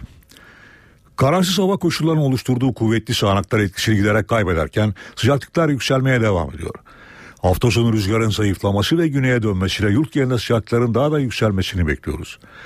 Yarın doğudaki yağışlar etkisini giderek kaybederken Marmara'nın batısı yeniden yağış tavanın etkisine girecek. Yağışlar gün içinde Edremit, Ayvalık, Çanakkale, Edirne, Tekirdağ, Kırklareli boyunca aralıklara devam edecek. Gün içinde Isparta, Kemer, Karabük, Kastamonu ve Doğu Anadolu'nun kuzeyinde hafif de olsa yağışlar görülebilir. Pazar günü Marmara'nın batısında aralıklı ve yer yer etkili sağanak yağışlar görülürken İç Ege, Batı Akdeniz, Karadeniz ve Doğu Anadolu'nun doğusunda da yerel yağışlar görülecek. Marmara, İç Ege, İç Anadolu, Akdeniz ve Doğu Anadolu'nun kuzeyindeki yerel yağışların pazartesi günü de aralıklarla devam etmesini bekliyoruz. İstanbul yarın güneşli. Sıcaklık 28 derece olacak.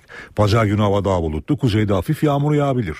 Ankara yarın güneşli. Sıcaklık yarın 28, pazar günü ise 30 derecenin üzerine çıkacak. İzmir'de ise sıcaklık 33 dereceye kadar çıkıyor. Nem oranı yüksek. Sıcak çarpması tehlikesi devam ediyor. Hepinize iyi bir hafta sonu diliyorum. Hoşçakalın. Musul Başkonsolosluğu'na baskın konusunda Dışişleri Bakanlığı'ndaki toplantıdan sonra açıklama yapılıyor. Dinliyoruz. Bu çerçevede değerli Ekonomi Bakanımız, Enerji Bakanımız, Ulaştırma e, Bakanımızla birlikte e, Gümrük ve Ticaret Bakan Yardımcımız birlikte bir, e, bugün bir araya geldik. Gümrük ve Ticaret Bakanımız Sayın Başbakanımıza eşlik ettiklerinden katılamadılar. Bu toplantıda temelde önümüzdeki dönemde olabilecek gelişmeleri masaya yatırdık. Öncelikle şunu ifade etmek isterim. Türkiye Cumhuriyeti Devleti açısından Irak dost ve kardeş bir ülkedir. Zor günlerinde bütün dost ve kardeş ülkelerin yanında olduğumuz gibi e, Irak'ın bugünlerinde de Iraklı kardeşlerimizin yanındayız. Irak'ın refahı, istikrarı, barışı Türkiye'nin refahı, istikrarı, barışı gibidir. O bakımdan Irak'ın bütün kesimlerinde, bütün vilayetleriyle etnik ve mezhebi ayrım gözetmeden her bir e, Iraklıyla gönül bağımız var, ortak kader bilincimiz ve inancımız var. Bu zor günlerinde Irak'ın e, yanında olduğumuzu bir kez daha teyiden vurgulamak isterim. Irak'ı hiçbir zaman yalnız bırakmadık, bundan sonra da yalnız bırakmayacağız. Erbil'den Basra'ya kadar, Musul'dan e, Diyala'ya kadar, doğudan batıya, kuzeyden güneye Irak'ın her bir e, köşesindeki kardeşlerimizin karşı karşıya kaldıkları risk Türkiye'nin e, riski gibi değerlendirilir. Onların barışı ve refahı da Türkiye'nin başarısı olarak, Türkiye'nin barışı ve refahı olarak değerlendirilir. Bunu bir kez daha vurgulamak istiyorum. Ee, bütün Iraklılara inşallah önümüzdeki dönemde barış ve huzur temenni ediyoruz. Şunun için bunu vurgulama ihtiyacı içindeyim. Son dönemde sanki e, genel olarak Irak'taki bu karışıklık dolayısıyla e, bir şekilde Irak'ta bütünüyle bir kaos ortamı olduğu kanaati yayılmak isteniyor ve böyle bir imaj, bir algı oluşuyor. Türkiye'nin e, diğer komşularından çok daha farklı olarak Irak'ın her bir köşesinde çalışan vatandaşlarımız, yürüyen projelerimiz e, ve üzerinde mutabık kaldığımız birçok işbirliği alanı var. Şunu vurgulamak isterim. Bugünkü toplantımızda aldığımız en önemli kararlardan biri Irak'la işbirliğimizin kesintisiz devam edeceğidir. Irak'la yürütmekte olduğumuz çalışmaların, üstlendiğimiz projelerin e, bundan sonra da aynı kararlılıkla devam edeceğini vurgulamak isterim. Tabii bu çerçevede bugün yaptığımız e, çalışmada iki ana hususu ele aldık. Birincisi tespit. Irak'ta e, bölgeleri tek tek ele alarak e, MİT Müsteşarımızın da katıldığı e, bir çalışmada tek tek ele alarak güvenlik risklerini gözden geçirdik. Bugün yaptığımız açıklamada da bakanlık açıklamasında da zaten fark etmişsinizdir. Riskli bölgeler e, tanımlanmaktadır. Bu riskli bölgeler dışında kalan alanlarda şu anda e, vatandaşlarımız için güvenlik riski olmayan alanlarda yürüyen işbirliği çalışmalarımızın hiçbir şekilde akamete uğramaması Irak'a duyduğumuz güven ve Irak'ın bize duyduğu güven açısından önemlidir. O bakımdan e, bu kriz döneminde e, krizi münhasır olarak nerelerde olduğu ve nerelere yayılabileceği konusunda bir tespit çalışması yaptık. Tek tek vilayetleri ele aldık. Tek tek oradaki vatandaşlarımızın mevcudiyetlerini gözden geçirdik. Şirketlerimizin durumlarını ele aldık. Üstlenen projeleri gözden geçirdik. Ve kriz bölgesi dışında kalan alanlarda e, Irak'la yürüttüğümüz işbirliği çalışmalarının sürmesine verdiğimiz önemi bir kez daha vurgulamak isterim. Ama buna bununla birlikte kriz bölgesinde olan gelişmeleri de e, tabiri caizse saat be saat e, takip etmek ve oradaki vatandaşlarımızın ihtiyaçlarını e, her an e, gözetmek sorumluluğumuz var. Bu çerçevede e, bu tespitleri yaptıktan sonra bazı e, konularda bütün e, bakanlıklarımızla birlikte mutabık kaldık. Birincisi her şeyden önce 24 saat çalışan bir kriz masası oluşturuyoruz. Zaten bu kriz masası Dışişleri Bakanlığı bünyesinde vardı. Şimdi bunun kapsamını genişletiyoruz. Ee, Ekonomi Bakanlığımızdan, Enerji Bakanlığımızdan, Ulaştırma Bakanlığımızdan, Gümrük ve Ticaret Bakanlığımızdan e, temsilcilerin de olduğu 24 saat bulundukları ve 24 saat vatandaşımızdan gerek Irak'taki vatandaşlarımızdan gerek Türkiye'de bulunup da Irak'taki akrabalarını, dostlarını merak eden vatandaşlarımızdan gelen talepleri karşılamak üzere 24 saat çalışacak bakanlıklar arası bir kriz merkezi kuruyoruz.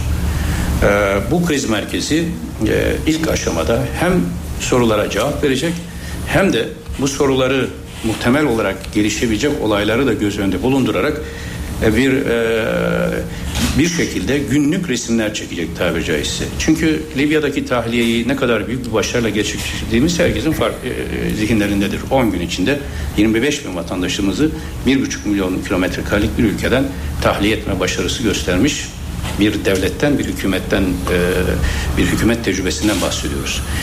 Libya ile göre Irak'ın farkı bir kere biz toplu bir tahliye düşüncesi içinde değiliz Irak'tan. Bunun altını özellikle çizmek isterim. İşbirliği projelerimiz devam edecek. Böyle bir ihtiyaç da yaptığımız risk analizleri çerçevesinde belli bölgeler dışında yoktur. Olduğu zaman da günlük değerlendirmelerle o risk analizlerine göre tedbirimizi alacağız. Bir önemli fark da şudur. Irak'taki mevcudiyetimiz çok daha hareketli bir mevcudiyettir. Ulaştırma ağırlıklı bir mevcudiyettir. Dolayısıyla binlerce tırın e, günlük seyir sefer halinde olduğu son derece hareketli dinamik bir konjektürden bahsediyoruz. Dolayısıyla birkaç gündür bizzat takip ettiğimiz e, şeylere baktığımızda bir gün bir vilayette olan bir tır başka bir gün bir başka vilayette olabiliyor ve sürekli hareket halinde. O bakımdan e, bu e, gün yapılacak çalışmalarla bir kere Gümrük Ticaret Bakanlığımız, Ulaştırma Bakanlığımızın koordinasyonunda bütün e, bilgi ağları birleştirilerek e, her bir giren araba plakası da dahil olmak üzere tespit edilecek ve nerede bulunduklarıyla ilgili sürekli takip çalışması yürüteceğiz. Şu andan itibaren bu anlamda bizim e, envanterimizi günlük güncelleme ile takviye edeceğiz. Bu bizi Ulay bir vatandaşımız bir soru bize yöneltildi, yönelttiğinde araba plakası ve şoförü de dahil olmak üzere ulaşma imkanı sağlayacağız. Nitekim şu anda mahsur kalan 31 şoförümüzle konsolosluk genel müdürümüz her gün görüşüyor. Ki riskli bölgede olduğuna inandığımız. İkincisi yine buna paralel üçüncü e, unsur olarak da aldığımız e, çalışanlarımızın şirketlerimizin bulunduğu yerler üstlenilen inşaat projeleri son durumları da göz önünde bulunarak Ekonomi Bakanlığımız ve Enerji Bakanlığımızın koordinasyonunda e, onlardaki bütün şirket bilgileri bu kriz masasında toplanacak. O şirketlerde çalışan işçilerimizin tek tek irtibat noktaları tespit, e, tespit edilecek ve gerek hareket halindeki mobil tır ulaştırma unsurlarımızla gerekse daha sabit görünen ama yine e, Libya'ya göre şantiye dışında da çalışan işçiler olduğu için daha hareketli olan bu tabloyu her an resmini çekmek suretiyle vatandaşlarımızın bulunduğu noktaları tespit, e, tespit edeceğiz. E, bu tespitler çerçevesinde de e, günlük olarak e, bu e, gelebilecek e, e, talepleri karşılamaya çalışacağız. Bir hususu daha vurgulamak isterim. Irak'ta küçük veya büyük buradan da tabii şirketlerimize de bütünüyle bir çağrıda bulunmak istiyorum. Küçük veya büyük bütün şirketlerimizin her birinin bir irtibat temas noktası, temas nokta şahsi şahıs anlamında temas noktası vermesini isteyeceğiz. Yarından itibaren Uluslararası Nakliyeciler Derneği, şirketler bütün hepsi ile toplantılar yapacak bu bahsettiğimiz kriz masası çerçevesinde ve o toplantılar neticesinde en kısa zamanda bunlar detaylı olarak tespit edilmiş olacak şirketlerimizle tek tek temas noktasına gideceğiz. Bu bütün bu tedbirler çerçevesinde iki konuya dikkatinizi çekmek isterim değerli basın mensupları ve kamuoyumuza da basın mensuplarımıza da çağrıda bulunmak istiyorum. Her gün her gün saat 13'te ve saat 18'de iki kere e, kriz masası koordinatörümüz Bakan Yardımcımız Sayın Naci Koru tarafından bilgilendirme yapılacak. Olağanüstü bir durum olduğunda arada da bilgilendirme yapılacak. Siyasal nitelikli bir açıklama gerektiğinde sadece bu konularda yetkili bakan, bakan başbakanımızın talimi, talimatı bu yöndedir. Sadece yetkili bakan arkadaşlarımız cevap verecekler. Tabii siyasi irade e, öyle gerektiğinde Sayın Başbakanımızın bizzat ifade etmesi gereken bir husus olduğunda da kendisi ifade buyuracaklar. Bunun dışında herhangi bir şekilde özel ya da diğer kaynaklardan gelecek bilgilere itibar edilmemesini rica ediyorum. Bir kriz yönetimi içindeyiz. vatandaşlarımızın güvenliği söz konusu. Verilecek her bir haberin, yayılacak her bir e, sözün, söylentinin e, kendi evlatlarından, kardeşlerinden, eşlerinden haber bekleyen aileler üzerinde nasıl bir olumsuz etki yapacağını, beklenti oluşturabileceğini hem bu konuda görüş beyan eden e, şirketler veya dernekler hem basın mensuplarımızın burada dikkatine bunu getirmek istiyorum. Özellikle basın mensuplarımızın olayları ne kadar yakından takip ettiğini biliyorum. Bu takip en doğal haklar, hakkınız. Her zaman sizi bilgilendireceğiz. Ama şunu özellikle rica ediyoruz. Bizim kriz masasınca teyit edilmemiş hiçbir bilgiye itibar edilmemelidir. Bu bilgi olumlu da olabilir, olumsuz da olabilir. Bu bilgi ümit de doğurabilir, beklenti de doğurabilir, hayal kırıklığına da yol açabilir. Hiçbir bilgiye itibar edilmeyecektir. Kriz masası her gün bu bilgilendirmeyi yapacak. Arada bazen internete şu veya bu niyetle bir yerden duyulan şeylerle bu hızlı iletişim teknolojisi içinde bir haber düşebiliyor. Bu haber doyulmuşçasına bir algı oluşabiliyor.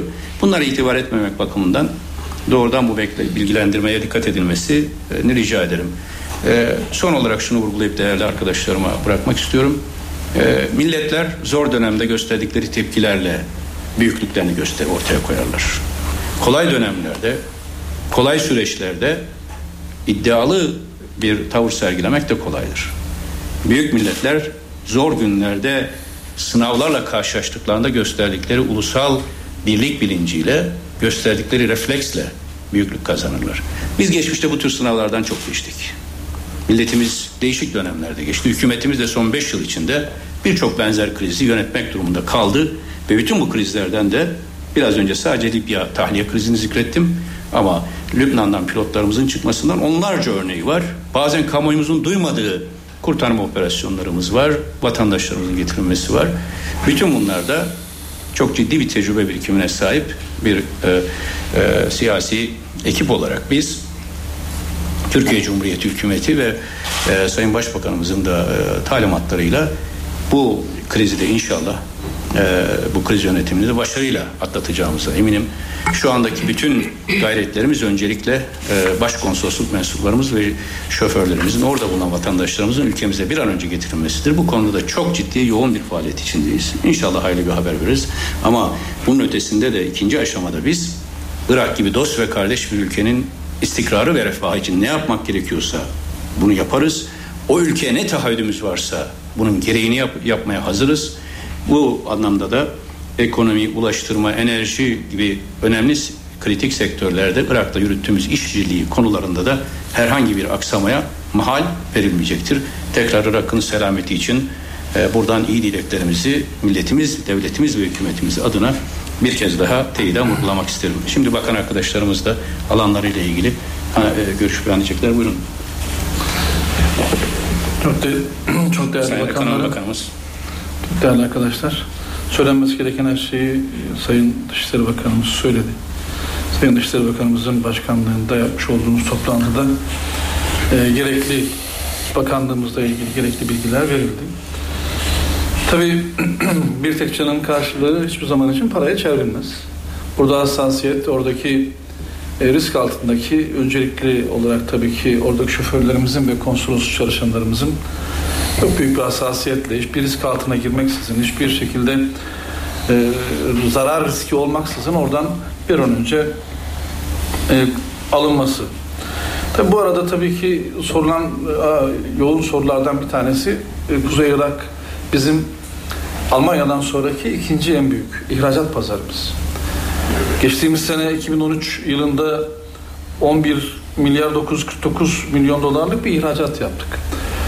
Bir önceki yıla göre de bu %10 artışla yani 2012'ye göre %10 artışla geldiğimiz bir rakamdı. Bu ihracatımızın %93.1'ini Habur kapısından yaptık.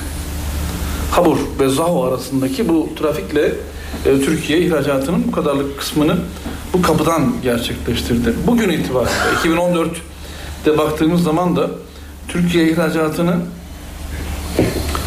e, ilk 4 ay itibariyle yüzde 14 artırdı ama ben en son rakam olarak da şunu söyleyeyim.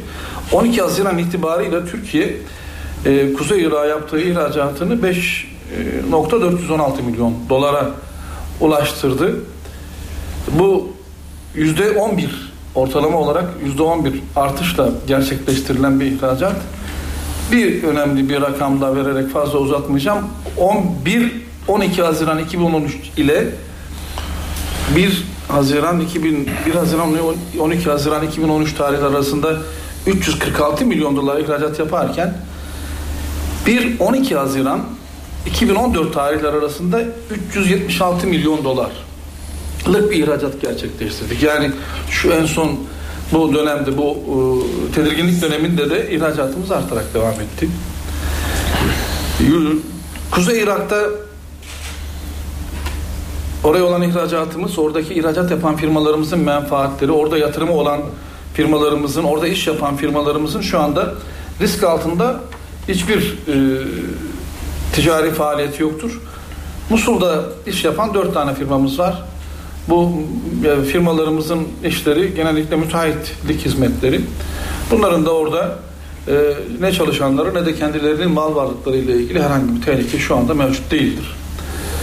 Dolayısıyla e, sonuç olarak şunu söyleyebilirim. Ülkemizin Kuzey Irak'la olan ticari ilişkileri yine Almanya'dan sonra ikinci en büyük ekonomi olmak üzere, ihracat olmak üzere devam ediyor. Ve hedef olarak da potansiyel olarak da birinci ihracat pazarımız olma potansiyelinde bünyesinde barındırıyor. Ben e, ekonomi bakanı olarak tabii ki oradaki bütün şirketlerimizin tamamen hepsinin bilgileri bizde var. Bu bilgilerimizi de Dışişleri Bakanlığımızın kriz masasına bilgileriyle beraber orada çalışanlarımızın tüm tamamının isimleriyle beraber iletilecektir. Ama tekraren söylüyorum. Şu andaki mevcut ve te- tespit edilmiş olan risk altındaki gruplar hariç risk altında hiçbir ticari faaliyetimiz, menfaatimiz ve vatandaşımız yoktur. Teşekkür ediyorum. Sayın Enerji Bakanımız buyurun. Sayın Bakan arkadaşlarım, kıymetli basın mensupları. Tabii ki enerji sektöründe iki büyük komşumuzdan bir tanesi Irak. Gerek petrol, gerek ham petrol ve ürünleri, gerekse elektrik, gerekse su olmak üzere birçok enerji kaynağı üzerinden e, bir arada oluyoruz. Tabii ki Sayın Bakanımızın da bahsettiği gibi Irak bizim için dost, kardeş ve vazgeçilmez bir komşu. Siyasi bütünlüğü içerisindeki geliştireceğimiz bütün enerji projeleri devam edecektir. Bizim 25-26 milyar dolarlık dört ayrı bölgede ki bunlar e, Badra'da, Misan'da, Siba'da, Mansuriye'de bu projeler devam etmektedir. Bizim şu ana kadar 1 milyar dolar civarında aktardığımız ve yatırıma dönüştürdüğümüz rakam var Irak'ta. Bu yatırımlarımız Kuzey Irak'ta alakalı yaptığımız ticari sözleşmelerin haricindeki olanlardır. Kuzey Irak'ta alakalı yapılan sözleşmelerde devam etmektedir. Su vazgeçilmez bir e, insani kaynaktır. Tabii ki bu devam edecektir. Musul'a gönderilen bir elektrik vardır, üretilip de gönderilen. Bu da sözleşmeler kapsamında devam edecektir. Bu da insani bir ihtiyaçtır. E, petrol e, ticareti devam ediyor. Biliyorsunuz Türkiye şu anda ham petrol tedarikinde birinci sırada Irak yer almaktadır. Bağdat'ın şu ana kadar yaklaşık 6,5 milyon ton civarında geçtiğimiz yıl içerisindeki ticareti son derece Türkiye için önemlidir. Ve karşılıklı e, Soma petrolü yaptığımız alışverişte TÜPRAŞ'la beraber devam etmektedir. Ve şu ana kadar bizim e, petrol ürünleriyle alakalı gerek e, Irak'ın tamamına gerekse Kuzey Irak'a gönderilen mamuller de yine aynı şekilde devam edecektir. Ve bütün bu ticaretler karşılıklı olarak her iki ülkenin de menfaati için önemlidir. Bizim e, elektrik üretip de gerek Musul'un gerekse Erbil'in ihtiyaçları aynı şekilde devam ediyor. Bugünkü yaptığımız toplantıda bunların sürdürülebilir oluşuna olan dikkati bir kez daha vurguladık. Evet, Dışişleri Bakanı Ahmet Davutoğlu, Ulaştırma Bakanı Lütfi Elvan, Ekonomi Bakanı Nihat Zeybekçi ve Enerji Bakanı Taner Yıldız'ın katılımıyla Musul'daki gelişmelere ilişkin bir basın toplantısı düzenlendi. Bu toplantıyı canlı olarak aktardık.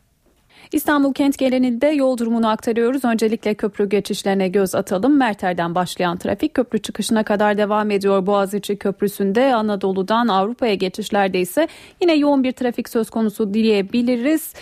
Acıbadem Köprüsü'nden başlayan trafik köprü çıkışına kadar devam ediyor. Fatih Sultan Mehmet Köprüsü'nde de oldukça yoğun bir trafik var. Anadolu'dan Avrupa'ya geçişte ise trafik akıcı. ABD Başkanı Barack Obama bir basın açıklaması yapıyor. Dinliyoruz. Duruma e, yakinen bakıyoruz, dikkatlice bakıyoruz. IŞİD gibi bir grubun, böylesine kötü bir organizasyonun Suriye'de kaos yarattıktan sonra Irak'ta da kaos yaratmasını, orada bir alan elde etmesini istemiyoruz. Çok ciddi bir e, mezhepsel çatışma tehdidi var. Şii bölgelere saldırıyorlar. Bir Şii-Sünni çatışması tetiklenebilir bu süreçte. Dolayısıyla çok büyük çıkarlarımız var orada. Askerlerimiz, Amerikan halkı Irak için çok büyük fedakarlıklar yaptı. Iraklılara fırsat verebilmek için fedakarlıklar bulundu. Geleceklerini belirlemeleri adına. Daha önce de söylediğim gibi biz Irak halkı için bir şey yapamayız. Onlar kendi kararlarını kendileri vermeli. Irak çok zorlu bir tarihten geçti. Bence herkes şunu hatırlayacaktır. Irak içerisinde bir birlik sağlanması gerekiyor. Dışarıdan herhangi bir ulusun ne Amerika Birleşik Devletleri ne de başka bir ulusun Irak'taki problemi çözmesi mümkün değil. Başka soru var mı? Sayın Başkan, Irak sınırından başka ülkelere savaş yayılabilir mi? IŞİD Suriye'de bir alan elde etti. Bu sebeple biz çok büyük kaygı duyuyoruz. Aynı zamanda bu sebeple Suriye'deki ılımlı muhalefete destekliyoruz. Çok zorlu bir problem bu. Irak'ta Irak hükümeti en başta direnç gösterdi bizim yardım tekliflerimize. Şu anda kendileri işbirliğini kabul ediyorlar bizden gelen. Tabi Suriye'de bu söz konusu olamamıştı. Suriye lideri Esad la böyle bir şey söz konusu olmamıştı. Mesela Birleşmiş Milletler'in çabaları bloke edildi. İnsani yardımlar bile Suriye'ye ulaşamadı. Tabii uzun dönemli bir sorun bu. Biz teröristlerin peşinden giderek onlara engel olmalıyız. Yani ulusal çıkarlarımızı korumalıyız. Çok zorlu bir dönem var önümüzde. Uluslararası çaba ortaya konulması gerekiyor.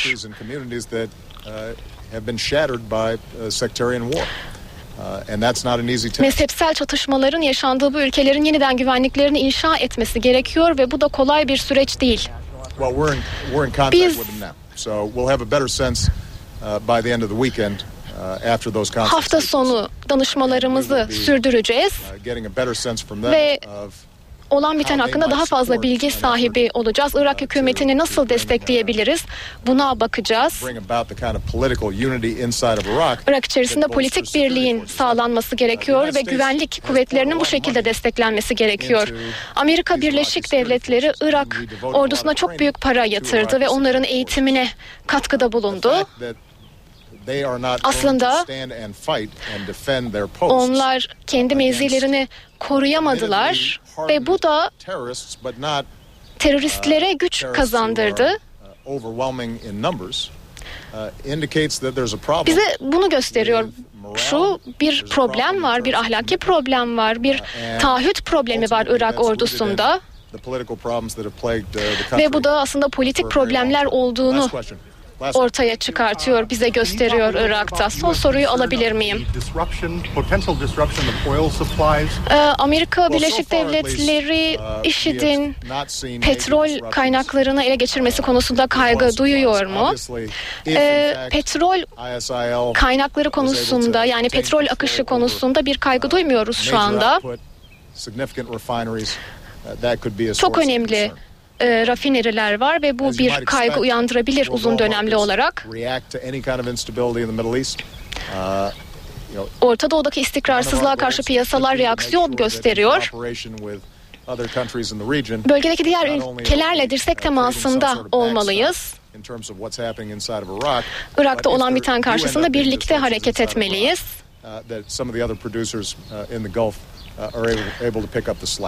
Körfez ülkeleri de bu sürece katılmalı. Yani önümüzdeki günlerde danışma süreci devam edecek bu ülkelere.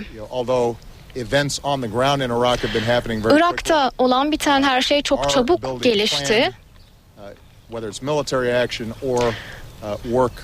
Askeri operasyon ya da Irak hükümetiyle birlikte çalışma seçeneği bunlar zaman içerisinde karar verilecek şeyler. Bir an önce bir gecede gerçekleşmesini kimse beklemesin. Biz durumu yakinen takip ediyoruz. İstihbaratı ediniyoruz. Eğer gerekirse orada hedefli olarak bir karar verebilirim bu konuda. Bir kez daha şunu söylemek istiyorum. Bu mesajım açıkça anlaşılsın. Amerika Birleşik Devletleri sadece kendisini askeri bir operasyon içerisine atmayacak. Irak'ın da bizimle birlikte çalışmaya hazır olduğunun garantisini almamız gerekiyor. Biz kendimizi böyle bir duruma atamayız. Çok büyük fedakarlıklar yaptık geçmişte Irak için. Ve uzun dönemli istikrarı için Irak halkı da çaba göstermeli. Herkese çok teşekkür ediyorum. ABD Başkanı Barack Obama'dan Irak açıklaması geldi. Obama net konuştu ve Amerikan askerlerini Irak'taki savaşa bir kez daha sokmayacağını söyledi. Irak'a asker göndermeyeceklerini de yineledi. Obama ve diğer seçeneklerin masada olduğunu belirtti. Hemen öncesinde dört bakandan Musul açıklaması geliyordu. Şimdi o basın toplantısına yeniden dönüyoruz. Bu konuda en kısa zamanda netice almaya çalışıyoruz. Hatırlarsanız benzer soruları pilotlarımızla ilgili Lübnan'da her hafta her gün sordunuz. Bu o kadar uzun sürmeyecek bir süreçtir inşallah. O anlamda bir algı oluşmasını istemem ama bu süreçlerin ve bu soruların hemen hemen her benzer kritik konuyla ilgili sorulmuş olduğunu geçmişte biliyorsunuz ama bu konularda çok büyük tecrübe kazanmış arkadaşlarımız, birimlerimiz, timlerimiz var. Bunlar gerekli bütün temaslarda bulunuyorlar. herhangi bir talep ya da bir bu anlamda bir müzakere değil esas itibariyle vatandaşlarımızın e, görevlerimizin bir an önce ülkeye dönmesi e, konusundadır e, çalışmalar. Ama tekrar teyiden söylüyorum. Dün ve bugün itibariyle de söylüyorum. Vatandaşlarımızın her birinin e, nerede bulundukları veya sağlıkları ile ilgili e, bilgilerimiz e, kesindir. Teyit edilmiş bilgilerimiz vardır ve sağlıkları ailelerine hitaben söylüyorum. Dün bunu da ifade etmek isterim bütün e, başkonsoloslukdaki e, görevlerimizin aileleriyle tek tek temas edilmiştir. Her gün temas edilmektedir. E, onların her ihtiyaçları karşılamaktadır. Tır şoförlerimizin isimleri de tespit edilip onlara da ulaşılmaya çalışılmaktadır. çalışılmaktadır. Tabii o konu biraz daha bu tespit daha e, şey bir konu, e, detaylı bir konu.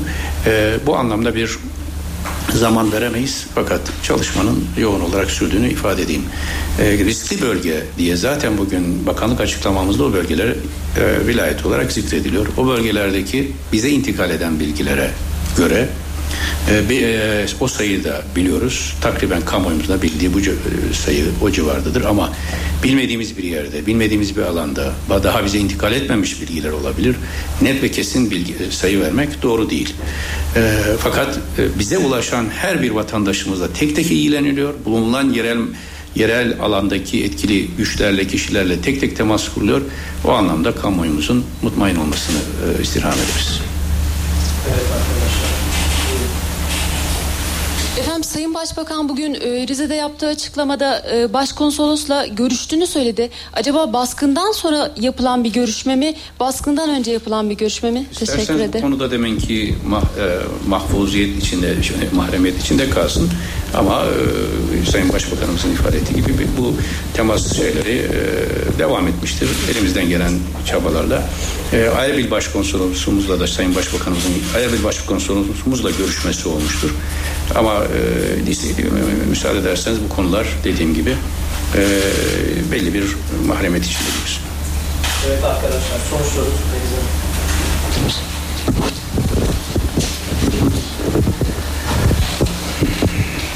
Efendim e, benim ilk sorum bu tahliyelerle ilgili olacak. Riskli bölgeler Irak'ın tamamından çıkmıyoruz. Riskli bölgelere işaret ettiniz ama e, bu açıklama yapıldıktan sonra akıllara bir soru geldi. Acaba bir e, operasyon seçeneği gündemde mi diye e, ikili ya da üçlü noktasal anlamda bir hava operasyonu Türkiye'nin gündeminde midir? Bu tahliyeler bu yüzden mi yapılıyordur? Bir bunu merak ediyorum. E, Irak'la e, irtibat halinde merkezi yönetimle ne kadar irtibat halindeyiz? Ek seferler için sanırız e, merkezi yönetimden de bir onay almak gerekiyor. O onay alınmış mıdır? Bir de e, tır şoförlerinin isimlerini belirlemeye çalışıyoruz dediniz. Yanlış mı anladık şu ana kadar bütün isimler belli değil mi? Ve son olarak e, tır şoförlerini yani giren tırları e, gittikleri noktalara kadar takip edeceğiz şeklinde bir çalışma üzerinde çalıştığınızı anlıyoruz. E, nasıl olacak bu? GPRS sistemleri mi yüklenecek tırlara nasıl yapacaksınız? Teşekkürler. E, bizim için birinci ve en temel öncelik e, vatandaşlarımızın salimen ülkemize getirilmesi. Bu anlamda alternatif senaryolar üzerine şu anda düşünmek doğru da değil. Ee, şu ana kadar onların can güvenliği bağlamında e, te, teyit edilmiş bilgiler elimizde mevcut olduğu için ve inşallah e, hayırlı bir e, gelişme içinde zemin müsait olduğu için alternatif herhangi bir planlama e, bir konu üzerinde gündeme getirmek de bu anlamda doğru değil. E, kastettiğim husus şu bazen kriz masasına bugün başka yerlerden de e, yani bizim için tam riskli olduğu düşünmeyen yerlerden de tır şoförleriyle ilgili değişik bilgiler akıyor. Yani bir telefonla şurada 20, 30, 40 e, tır şuradayız diye bir bilgi akıyor. Dolayısıyla ben şimdi bütün o bilgiler tabii teyit edilmek için zaten bugün Ulaştırma Bakanlığımızla yaptığımız toplantının ana amacı da bu. Kastettiğim o. Yani sadece belli bir yerde e, bulunan tır şoförlerimiz değil. Genel olarak da hareket halinde olunduğu için e, kriz masasına bugün bir yerle ilgili bir 40-50 tır burada izliyor ama bahsedilen e, bahsedildiği veya düşünüldüğü kadar da bir riskli alan olmayabiliyor o alan. Bu, bu isimlendirmeleri yapabilmek için zaten bu mekanizmaları e, kuruyoruz. Hemen yapabilmek ve hemen müdahil olmak için. Ama Sayın Ulaştırma Bakanımızın vereceği ayrıca bir bilgi varsa. Evet. Çok teşekkür ediyorum. Ee, değerli arkadaşlar şu anda bizde elimizde veri tabanımızda e, bir tırın bir kamyonun e, ülkemizden hangi gün hangi saatte e, çıktığı hangi plakaya sahip olduğu ve hangi firmaya ait olduğu var. Bu bilgiler var elimizde. Ancak takdir edersiniz ki e, şoförlerin kim olduğu, telefon numarası bu tür bilgiler şu anda hazır olarak elimizde e, yok. E, bununla ilgili daha doğrusu arkadaşlarımız çalışmaya başladılar, çalışıyorlar. E, bunu tamamıyla güncel tutacağız. Oradaki e, araçlardaki şoförlerin kimler olduğu, telefon numaraları ve nerede bulunduklarına dair bilgiler e, e, çalışmaya başladılar arkadaşlarımız. E, bunlar temin edilecek ve ulaşacağız bu arkadaşlarımıza. Ama bizim veri tabanımızı biraz daha genişletip e, Dışişleri Bakanlığımıza, kriz merkezine e, e, bunu sunacağız. E, Türk Hava Yolları'ndan ilave bir sefer biraz önce ifade ettiğim gibi bir firma dışında herhangi bir talep söz konusu olmadı. Ee, ancak e, yani Bağdat Büyükelçiliğimize uz, ulaşan e, bir talep e, biraz önce ifade ettiğim gibi e, uçağın e, özellikle daha büyük bir uçağın gönderilmesi yönünde iki kez bir talep söz konusu olmuştu. Bunlar gerçekleştirildi. İlave bir talep olursa Türk Hava Yolları tarafından e, ek seferler düzenlenecektir. Teşekkür ediyorum bahsi geçen yani 31 şoför için zikrediliyorsa onların aileleriyle e, konsolosluk genel müdürümüz daimi temas halinde. Onlarla ilgili bilgide bir sıkıntı yok. Esas itibariyle diğer e, gelen her gün bir takım bilgi akışları alıyor. Sonra bakıyorsunuz o bölgeden ayrılınmış, e, o e, krizli bölgeden uzaklaşılmış, o düşürülüyor e, bir şeyden, bir Evet. Efendim, peki son soru, son soru.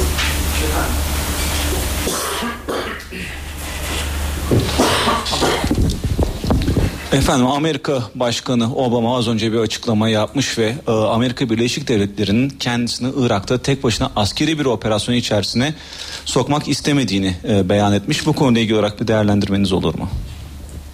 Ee, aslında Musul'da şartlar e, olağanüstü bir nitelik taşımaya başladı ilk andan itibaren. Belki de e, teyakkuza geçen ilk ülke Türkiye oldu. Alandaki mevcudiyetimiz dolayısıyla da daha e, 6-7 Haziran'dan itibaren e, bütün taraflarla görüşmeler yaptık. Bu çerçevede de e, Amerika Birleşik Devletleri Dışişleri Bakanı Sayın John Kerry ile de e, o günlerde de ve dün de olmak üzere farklı telefon görüşmelerinde daha krizin ilk aşamasında da e, te, telefon görüşmelerimiz sürdü ve istişarelerde bulunduk. İran Dışişleri Bakanı ile Sayın, Rafsan, Sayın Ruhani ziyaretinde burada görüşme dışında dün akşam da tekrar e, görüşmede bulunduk. Merkezi hükümetli ilişkiler bağlamında biraz önce sorulan soru çerçevesinde de Irak Dışişleri Bakanı ile neredeyse her gün temas halindeyiz. Bütün bu o temaslarımızda esas itibariyle Amerika Birleşik Devletleri yürüttüğümüz temaslarda ki tam bu kriz esnasında e, Sayın Müsteşarımız da Washington'da temaslardaydı. Biraz da bu yoğun gündem içinde o temasların e, yürütme zorunluluğu vardı. Yakın bir e, işbirliği halindeyiz, istişare halindeyiz. E, tabii Türkiye bugün e, Irak ve Suriye satında en uzun sınıra sahip olan ülkedir ve buradaki her bir güvenlik riski Türkiye doğrudan ilgilendirmektedir. Bu güvenlik riskinde bir anlamda geçmişteki tecrübeleri ya da katkıları itibariyle önem taşıyan bütün ülkelerle ve özellikle de Amerika Birleşik Devletleri'nin bu güvenlik riskinin giderilmesi konusunda yapabileceği katkılar herkesce malumdur. Bu zaten şimdiye kadar da e, gündeme getirilen hususlardır. E, çok detaylı istişarelerimizi bütün taraflarla yürütüyoruz. Onu özellikle vurgulamak isterim. Son bir cümle. Heh, Sayın Enerji Bakanımız. Ee, şimdi değerli arkadaşlar, tabii izliyoruz. Normalde Bağdat'ta Türkiye'nin yaptığı anlaşmalar ve özel hukuk hükümlerine tabi olarak ister kamu şirketleri isterse özel şirketlerin yaptığı Kuzey Irak'ta sözleşmeler son derece önemli. Ama IŞİD'in bu son 3-4 günlük hareketinin bu tür gerekçelerle açıklanması tartışılır. O yüzden bunu direkt bu gerekçeyle e, bağlantı kurmak, direkt bunun e, bu hareketin bütün gerekçesi olarak bunları ortaya koymak doğru bir yaklaşım olmaz. Bunları inşallah önümüzdeki günlerde kamuoyuyla daha da detaylıca inşallah paylaşacağız. Bir, bir önceki soruyla ilgili e, bir hususu daha vurgulamak isterim. Sayın Başbakanımızın da e, Sayın Biden'la görüşmeler oldu. Bugün de bir görüşme gerçekleşti biliyorsunuz. Ve Sayın Biden e, baştan itibaren Irak dosyasına doğrudan e, e, ilgili oldu ve bu dosyayı bizzat kendisi takip ettiği için Sayın Başbakanımızla görüşmeleri o anlamda büyük önem taşır. Hani bu konularda da bazı yorumlar yapıldı. Bunu hasreten vurgulamak isterim. Sayın Biden Irak dosyası anlamında en başından itibaren hatta e, başkan yardımcısı olmadan önce de e, çok e, öne, devrede olan bir şahıs bir önemli devlet adamı olarak da bu süreç içinde Sayın Başbakanımızla teması kendi talebiyle de neredeyse gün ve gün sürdürme kararını e, talebini iletmiştir. Bu çerçevede en üst düzeyde temaslarımız sürüyor. Peki çok teşekkür ederiz arkadaşlar. Efendim? Ha. Bu aslında ver, e, soruda cevap vermiş olduk buna. Riskli bölgeleri biliyoruz. Herhangi bir yeni risk oluştuğunda ne yapacağımızı planlıyoruz. Dışişleri Bakanı Ahmet Davutoğlu, Ulaştırma Bakanı Lütfü Elvan, Ekonomi Bakanı Nihat Zeybekçi ve Enerji Bakanı Taner Yıldız'ın katılımıyla Musul'daki gelişmelere ilişkin basın toplantısı düzenlendi. Canlı olarak aktardık ve böylece eve dönerken haberlere noktayı koyuyoruz. İyi akşamlar.